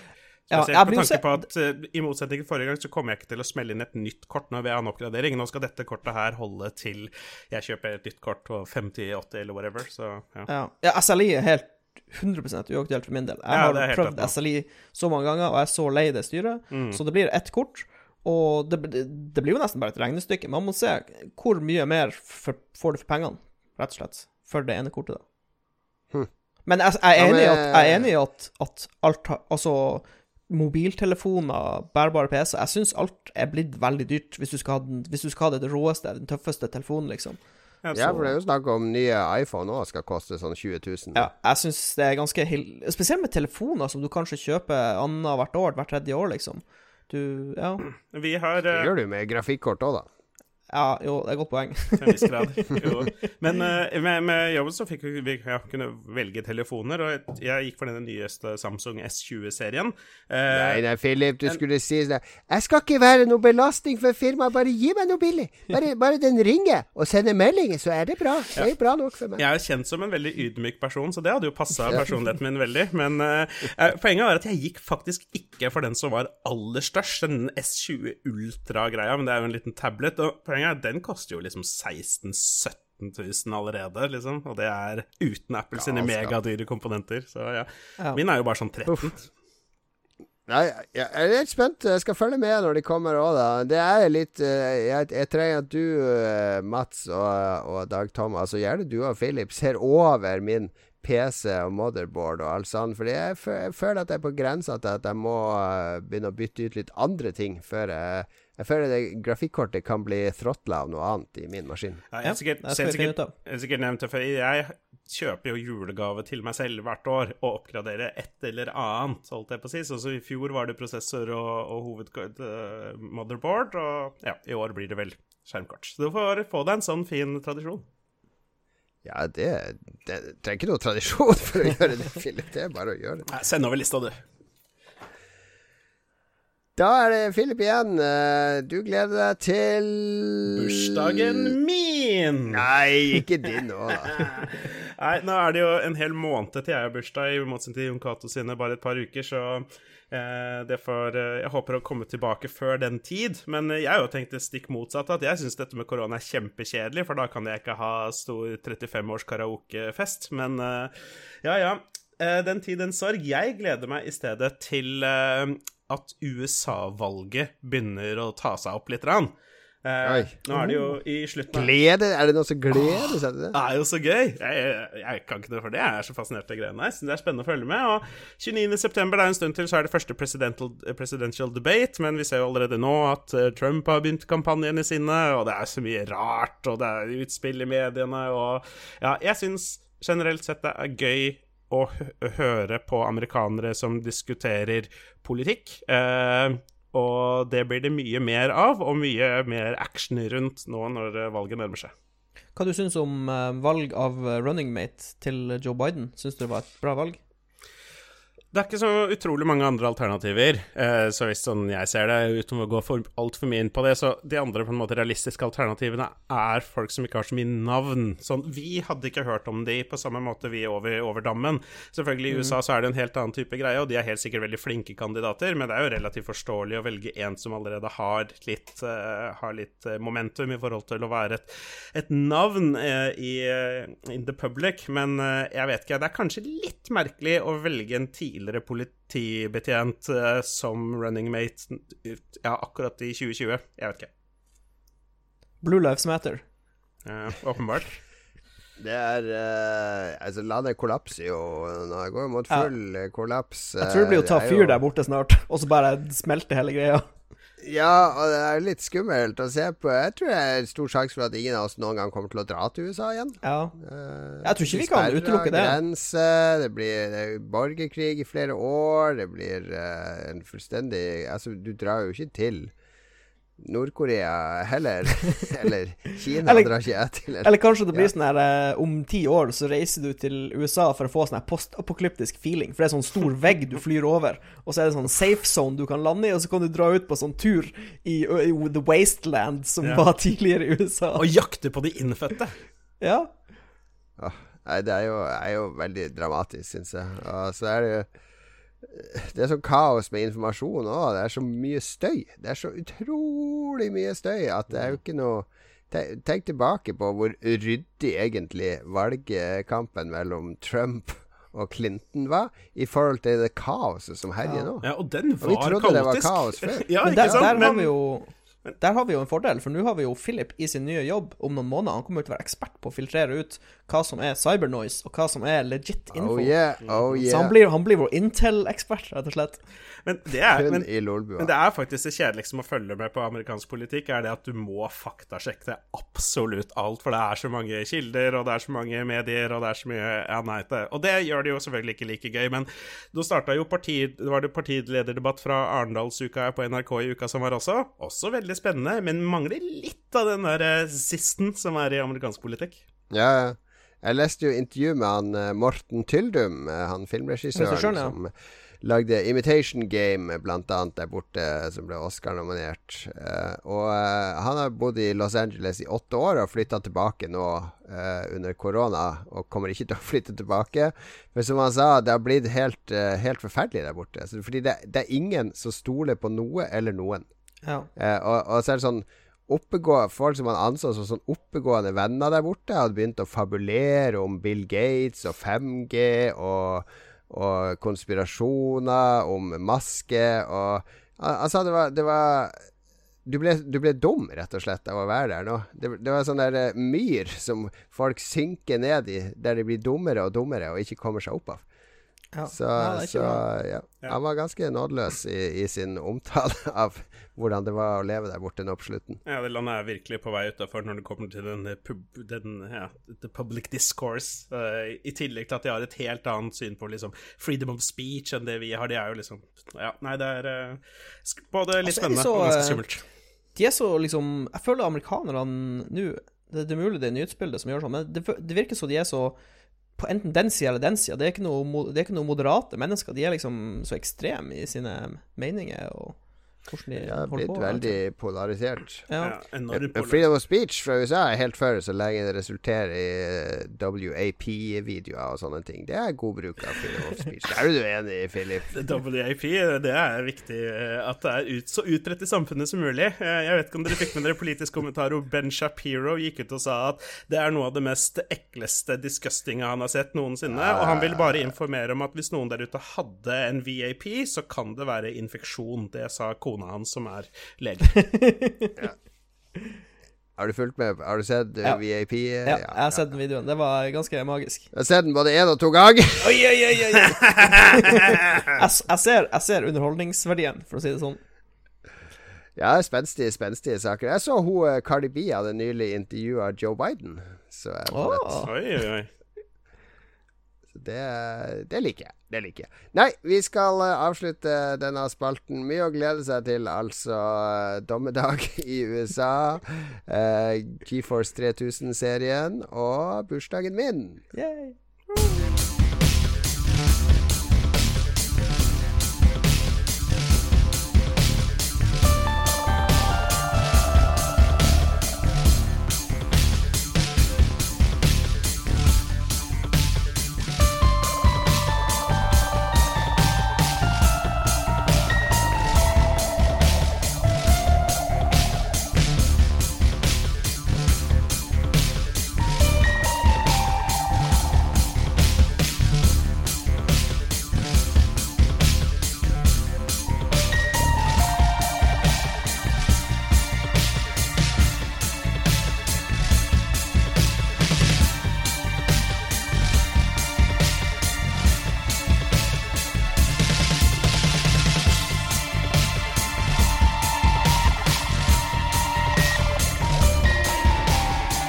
Alright, det blir lang episode. Vi må komme oss i land. Ukas anbefaling det har vi med stort sett hver gang, der vi anbefaler noe for å berike livene til våre lyttere. La meg starte denne gangen.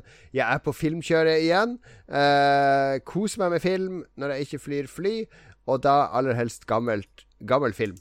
Eh, og nå i de siste uka så har jeg faktisk sett et par Ingmar Bergman-filmer. Den gamle oh, svenske regissøren. Det sjunde innseglet. Åh, sjuende innsegle, og, og så videre. Og det er noe veldig fascinerende med de Ingmar Bergman-filmene, for de holder en veldig høy kvalitet. Hvis du ser fransk film fra den samme tida, og amerikansk og sånn, så Ingmar Bergman er Han er av ypperste klasse når det gjelder eh, symbolikk og, og tematikk og sånn i de filmene sine.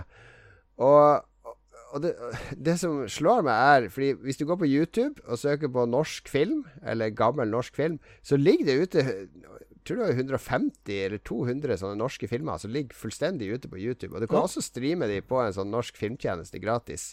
For det er liksom filmhistorie. Og hvis du prøver å se noen sånn norsk film fra 60-tallet, det, det, er jo bare søppel. Ja. Det er jo ikke et menneske i Norge som kunne lage film på den tida. Det er sånn støv på jern. Og Enten 60-tallet, 70-tallet, 80-tallet Det er så å si ingenting som holder mål. Det er et par innimellom. Det er så mye dritt som blir laga. Ikke... Og så ser du til Sverige, og så ser du sånn kjempe som Ingmar Bergman, som har laga sånne filmer så, som, som har satt dype, dype spor etter seg, og som fortsatt har skuespillerprestasjoner og, og, filmteknikker i dag som, som gjør at uh, Det er mektige filmer. Så nei, sjekk ut Ingmar Bergman. Styr unna norsk film. det er mitt nye råd. Men det, sier, det, altså det, viser jo bare hvor, hvor mye én person, altså én pioner, kan ha å si. Uh, back in the day, liksom. De hadde han Ingmar Bergman, vi hadde han ikke. Rett og slett. Nei, liksom. han var virkelig en, en innovatør på, og, og, kompromissløs. Og han lagde den filmen jeg så, jeg skal bare google hva han heter, så det blir helt uh, riktig. For de har så rare navn på svensk. Her må vi klikke. Ja, for jeg har bare, jeg har bare sett en Ingmar Bergman-film, og det er Det, det, sjunde, det sjunde innseglet. Så jeg må jo tydeligvis ja, ja, ja. Eh, meg. Den er jeg kjent for, og den fikk han en del kritikk for fordi den ikke var histori så historisk korrekt og sånne ting. Mm. Men den jeg så nylig nå heter Jungfrukjelland, eller The Virgin Spring, som er fra 60-tallet. Uh, og Det er basert på en sånn gammel uh, 13, legende, eller sang fra 1300-tallet i Sverige om ei sånn jente som blir voldtatt og drept av tre sånne landeveisrøvere. Ja. Og så ender de landeveisrøverne opp hos familien til jenta eh, like etter og prøver å selge de smykkene hun hadde, og så blir de tar faren i den familien hevn. Det er en og det, den filmen eh, er ganske nøyaktig det jeg beskrev nå, med masse symbolikk. Men det er den første revenge-movien, regnes det som. Altså det som innførte det derre vigilante revenge-begrepet med at, at uh, en, en, far eller en i familien kan ta loven i egne hender og, og hevne seg. Og, og, den har spåna masse filmer. Og, og West Craven sin uh, kultklassiker 'Last House on the Left', som mm. er sånn der rape revenge-film, det er basically en remake av Ingmar Bergman sin 'Jungfrukjelland', bare med exploitation-vold. Så sjekk ut Ingmar Bergman. Det er lærerikt. Slutt å se Marvel-dritet og de greiene som det, er det um, iTunes og Google Play og sånn de er tilgjengelige på? Du kan sikkert finne noe av det der, men som vanlig så tyr jeg etter Criterion Channel. Men uh, du finner ut av det, det er jeg sikker på. Ja. Så. Vet du hva, jeg skal sjekke om um, Jeg skal sjekke om jeg har Criterion Channel-appen på min Nvidia Shield, som er min nye ja, mediaenhet som redder meg. Og, og, den Virgin Springs som jeg snakka om, sorry, Philip, men det, den voldtektsscenen der er, var så brutal på 60-tallet at den ble jo sensurert i USA når den ble vist der. Den vant jo Oscar for beste utenlandske film og alt det der, men den ble, ble klippet i USA fordi eh, det er ikke en film fra 60-tallet som har en så rå voldtektsscene at, eh, at det ble for sterkt for amerikanerne. Jeg er mest takknemlig for Bergman. Og ingen Bergman, ingen Taken. Den er fantastisk. Jeg, uh, jeg syns han har lagd litt for mange filmer på litt for lite tid, og det stoler jeg ikke på. Så han burde holdt seg til teater. Det kan du si. Det kan du si. Fair enough. Fair enough. OK, Philip, din anbefaling? Jeg anbefaler nok en gang noe abstrakt, uh, abstrakt mer eller mindre. Jeg anbefaler å reise til jobb eller skole hvis du skulle være så heldig å få lov til å gå utendørs, uten å ta kollektivtransport eller bil. Eh, Hallo, nå er det Oslo-trynet Oslo her. Det er ikke mulig oppe i Nord-Norge og ja, på bygda å dra på jobb uten bil, Philip. Det må du jo skjønne. Har de prøvd? har, du prøvd har du prøvd å gå tre mil til jobb? ok, ok, ok. Jeg bytter min anbefaling til bo i Oslo. Ja. Helst langs T-banen. Nei. Jeg har begynt å, å, ta min sparkesykkel til jobben, og selvfølgelig, det er jo juks, men jeg deler veien med masse elsyklister og sånn hver eneste dag. Og når jeg snakker med de andre som tar T-bane eller bil eller trikk eller buss til jobb, så bruker de minst like mye tid. Uh, ja, det er sant. I, I, tillegg til at jeg har, jeg har begynt å liksom like det. Det å liksom være for meg selv på morgenen og kjøre og høre på noe musikk, det er noe litt annet enn å sette seg ned på, på bussen. Uh, mm. jeg, jeg, setter pris på det å få den lille, lille pausen for meg selv på, på morgenen. Gjelder denne anbefalinga i slutten av januar òg? La oss vente og se. Et par gode ja. hansker og noe uh, stillongs under buksa, så tror jeg det går fint. Men er du en av disse Nå har jo Oslo-politiet slått hardt ned på uh, råkjøring med både sykkel, elsykkel og sparkesykkel, og bruker å, å gjemme seg i lyskryss og det trenger bare sånn fem minutter, så har de delt ut ti-tolv bøter til elsparkesykler. El som kommer susende over på rødt lys. Det, har du blitt tatt der, Philip? Jeg har ikke det, men det er jo selvfølgelig for jeg kjører veldig forsvarlig. Um, ja. Utover det så, så Jeg tar, jeg tar litt sjanser en gang iblant, jeg også, men uh, det var fordi jeg lovte samboeren, når jeg kjøpte den her, at jeg skulle skulle kjøre litt forsiktig. Er, uh, jeg har sett det også er mye sånn nestenulykker litt sånn her og der. Uh, så ja, helst, helst, ikke. Det er litt crazy kjøring på de sparkesyklene. Ja. ja, det er det. Og, og, nå har jeg også blitt en av de som irriterer meg over at de står rundt omkring, fordi utafor Det er utafor hos oss! Oh, ja. Utafor hos oss! Nå har de kommet til oss, og da påvirker det meg! Og det er jeg ikke, er jeg ikke fornøyd med. Så nå ligger de slengt utpå fortauet utafor uh, her hvor vi bor, og det er ikke noe koselig. Fysj og fy. Har du, hvis du hadde blitt stoppa på rødt lys av politiet, hadde du skreket ut at det var profiling da, eller hadde du bare akseptert at det var ja, Hei, hei, unnskyld meg. Jeg tror vi begge to vet hva dette er. ja, må jo bare spørre. Har du kjørt sånn elektrisk sparkesykkel ennå, Mats? Nei, uh, jeg har holdt meg til uh, sykkel. Men Uh, jeg har faktisk prøvd sparkesykkel fordi uh, niesa mi fikk seg en uh, sparkesykkel i gave nå. Fordi hun begynte på skolen i dag, og uh, alle venninnene hennes Det er blitt utrolig populært med sparkesykkel, så i stedet for sykkel, så kjører alle kidsen på med sparkesykkel. Så hun fikk seg en sånn Ja, det samme her i Oslo. Gutta, gutta, vil bare sparke til skolen, ja. de vil ikke sykle. Så jeg fikk, jeg fikk, prøve hennes, for den, hadde, den tålte opptil 100 kilo, så jeg kunne prøve den. Og det var faktisk litt Jeg, jeg ser absolutt appellen i å bare suse av gårde på en sparkesykkel. Det er ganske for, chill. Får vi en Men jeg føler ja. Sorry. Nei? Nei, men jeg føler meg Jeg føler jeg er for gammel til å stå på sparkesykkel. For noen ganger så ser jeg menn på min alder som kommer på sånn uh, elektrisk sparkesykkel, eller vanlig sparkesykkel for den saks skyld, og sparke, sparke, sparke. Og det er bare Det er for ungdom. Altså, det, Ja. du er 50 år og står der og prøver Det er så, noe sånn krampaktig å prøve å være ung. Jeg, jeg fyller jo 35 neste, om Ja, du eh, er neste helt måned. innenfor, Philip. Jeg er for så vidt det, men det er, jeg, jeg føler meg kanskje litt sær på vei hjem fra jobb i nedoverbakke med Ray-Ban-briller og skjorte og dress og høre på gangsterrap og liksom mm, mm, mm. Ja, nei. Holder nok noen år til.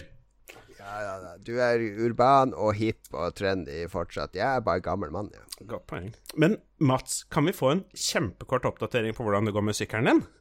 Eh, Det går faktisk veldig bra. Jeg har fått um, Jeg har fått jeg har ikke fått kjørt den så mye siden jeg har vært litt bortreist og litt opptatt og sånn, men jeg fikk tatt meg noen eh, skikkelige turer eh, før jeg dro på jobb. Og den er Den leverer så til de grader. Det er Jeg er veldig glad for at jeg kjøpte den, for jeg hadde aldri tatt alle de sykkelturene hadde jeg ikke hatt en rå elsykkel. Så eh, jeg er ja, fortsatt veldig fornøyd med mitt kjøp. Og jeg tror 2021 blir det store Mats knekker foten-året fordi han har kjørt altfor fort ned bakke, dessverre. Men vi får se.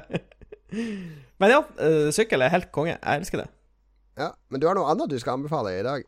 Ja, nå gutter, nå blir det et matprodukt som skal bli anbefalt. Oi, oi, Så jeg skal, jeg skal channele Jeg skal channele min indre Lars. Jeg skal channele min indre Lars.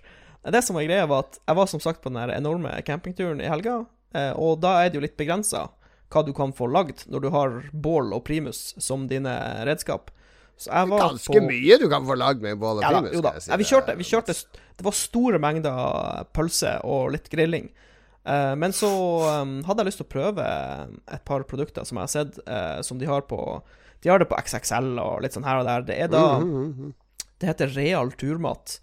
Eh, og det er sånn frysetørka mat i en vakuumpakke. Så det eneste du gjør, er at du koker opp vann, og så tømmer du 4-5 dl vann oppi det sånn fyllelinje oppi den pakken. Det er jo rett i koppen. Det er rett i koppen, basically. Og så rører Ja. du rundt, og så, og så er det sånn ziplock, så lukker du posen igjen, så står den der i åtte minutter og blir ferdig. Og så spiser du det. Og så det, fins det kylling tikka og chili con carne, og du har bare en million forskjellige sorter. Jeg kjøpte pakken med chili con carne og prøvde den, og det var Det leverte vilt over forventning. Jeg trodde det kom til å være sånn her helt OK vomfyll, men det var jo masse smak, og det var fresht, og det var helt eh, dødsbra kvalitet på det, rett og slett. Så jeg ble litt sånn sjokkert. Så jeg, jeg fant jo Jeg har jo funnet ut nå at eh, Real Turmat som lager det produktet, de lager også eh, feltpakker til militæret. Altså de, Ja. Det er de som lager all maten til militæret nå. Og så var jeg bare Jeg havna på YouTube, og så er det et helt Altså, det er en hel scene hvor folk har en kanal som dreier seg om at de eh, Nesten som en unboxing, bare med feltro, militære feltrasjoner. Og så, og så tilbereder de maten, og så spiser de den, og så forklarer de hvordan det smaker.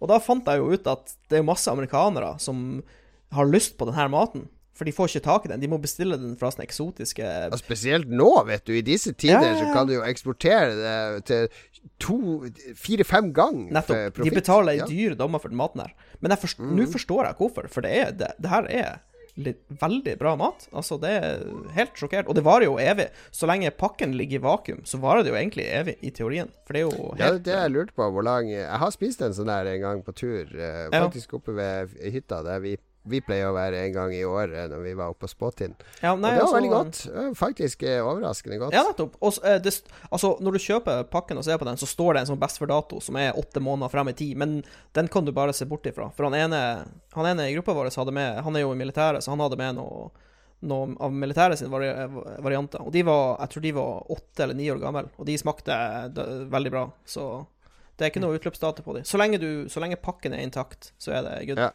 Jeg liker at du du Jeg, ja. jeg liker at du underspilte det. Jeg bare titta litt på YouTube, akkurat som du ikke bare gikk inn på alle de prepper-kanalene du driver og subber til, og Ja, ja, ja. var det anmeldelser. For det er mitt neste spørsmål. Du har vel kjøpt inn 200 av disse nå som ligger på, ute i den bunkersen din sammen med våpen og cash og vann og jeg, jeg, kjøpte, jeg kjøpte et par eh, Du har sånn eh, De finnes i forskjellige størrelser. Du har noen som bare er et sånn lite måltid, sånn typisk lunsjmåltid med 600-700 kalorier, og så er det noen som er en full middag. Eh, Men de var, det var ganske stiv pris på de. Det var alt fra Ja. 75 til 99 kroner pakken, så Eh, jeg skal høre litt med han, eh, han jeg kjenner i militæret, og se om jeg kan få noen som har ramla av en lastebil til litt uh, billig penger i stedet, for å få litt volum. Ramla av en lastebil. Min far var jo radiomann i militæret. På, på, uh, ja, var, han var på en sånn repøvelse i Da jeg var liten, det må ha vært i 75 eller noe Ja. sånt. Eh, jeg husker jeg Vi har bilde av han når jeg står i hans uniform, liksom, når han Ja, kom hjem fra den repøvelsen da jeg er bitte liten. Og da husker jeg at eh, på den repøvelsen Han stjal så mye batterier. De, holdt på med de her radioene. Og så hadde han halve frysen vår Han hadde fylt opp frysen vår med de militærbatteriene. Det var sånne AA og trippel A og C og alle de størrelsene. Fantastisk. Som han bare hadde tatt med seg fra militæret. Eh, fordi det bare lå slang der. Ja, ja. Eh, og så, så, så vi kjøpte jo ikke batterier før jeg var over 20 år. bare gikk i den frysen og henta de der Og det var sånne uten merke på. Det var helt brune batterier. ja, stemmer Så det. tydeligvis eh, laga for mil- Ja, det er sånn. Ja, nettopp. Det er ikke et, en bokstav på de batteriene. Ja, men hadde de i frysen så de skulle holde seg lengst mulig. Ja, ok. Ja, artig. Nei, men du kan, jeg tror du kan få mye gratis stæsj hvis du er i militæret. Som ting som Bare bare bare å verve seg, gutter. Ja, ja, ja.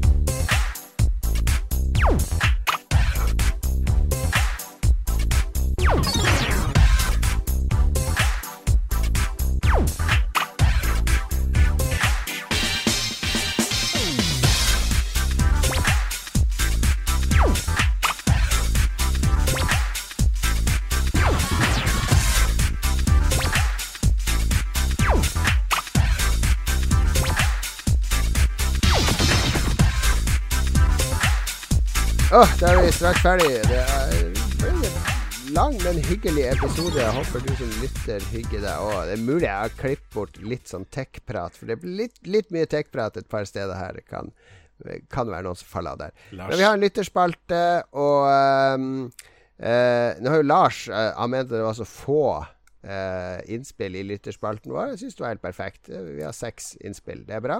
Så han hadde vært og posta noe sånn anna greier, men det, hadde, det spolerte jo hele det opplegget som vi har brukt masse tid på å tenke ut, og vi skal ta for oss måned for måned. For Lars var på sånn Ja, hva gleder du deg mest til i høst, da? Del de spillene du gleder deg til. Han er akkurat som et sånn lite barn som kommer inn, vandrende inn i rommet uten at han vet hva de voksne snakker om.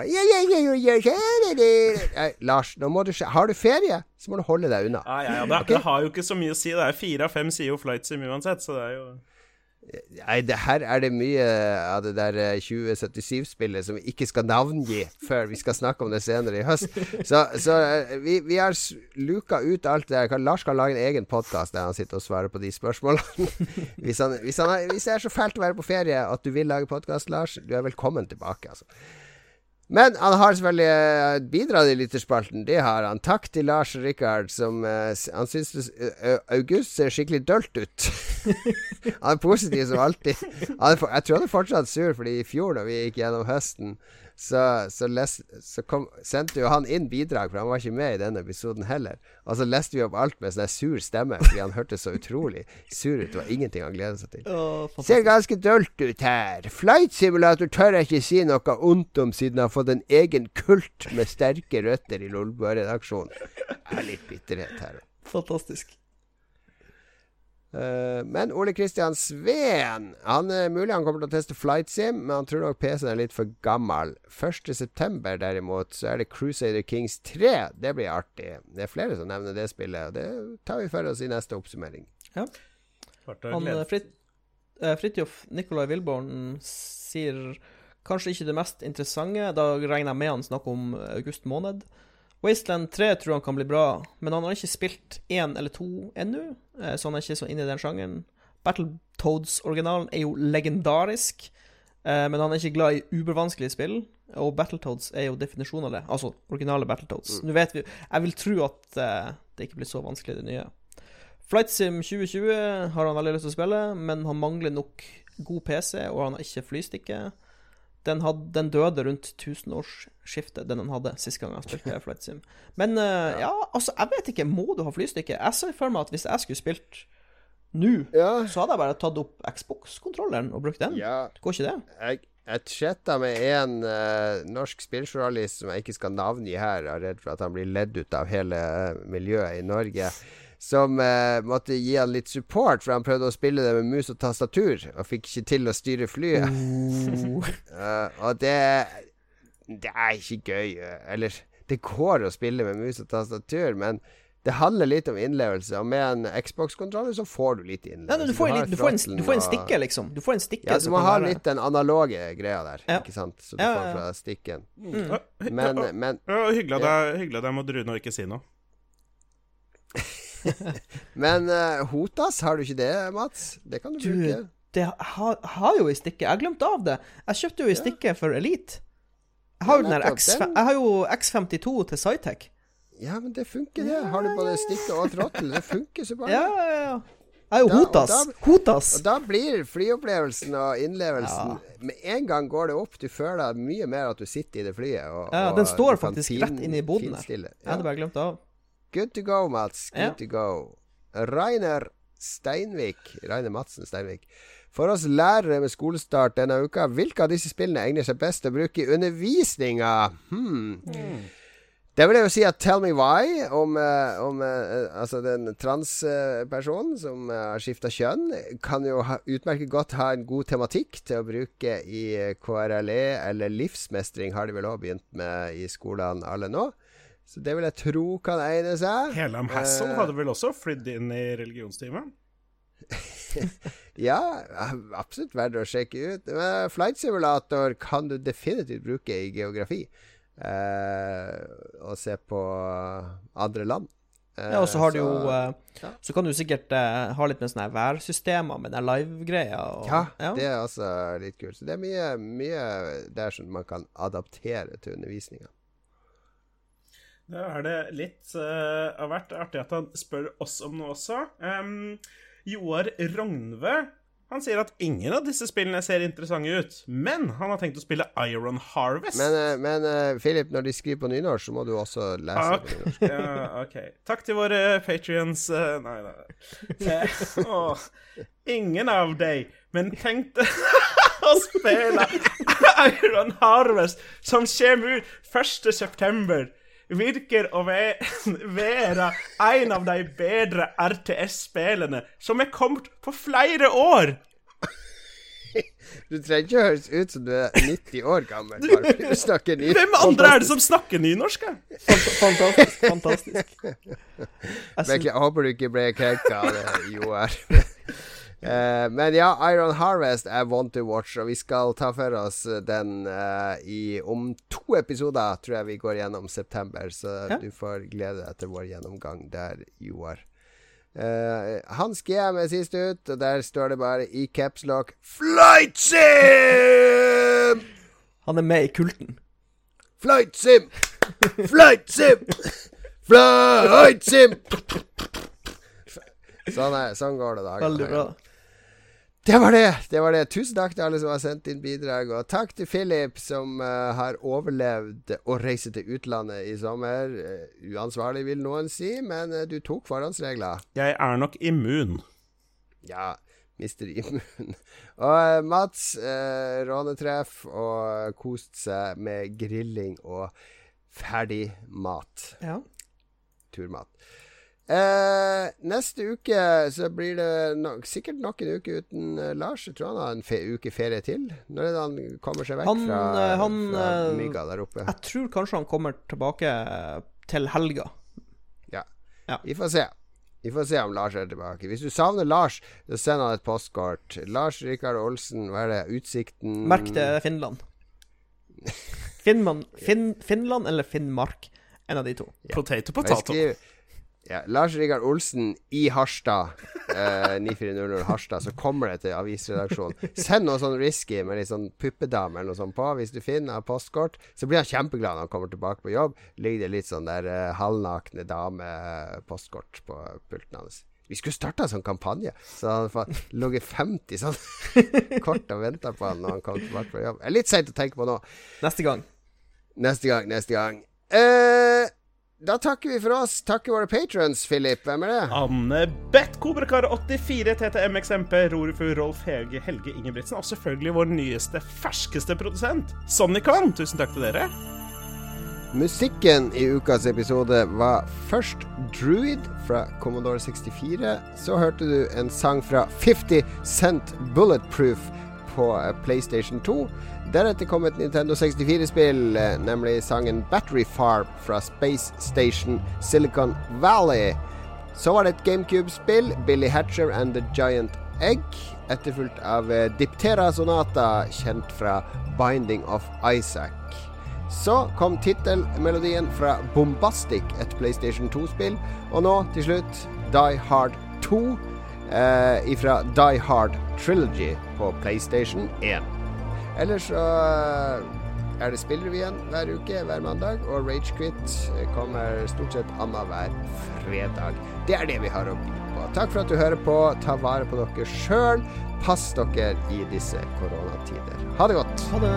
Ha det!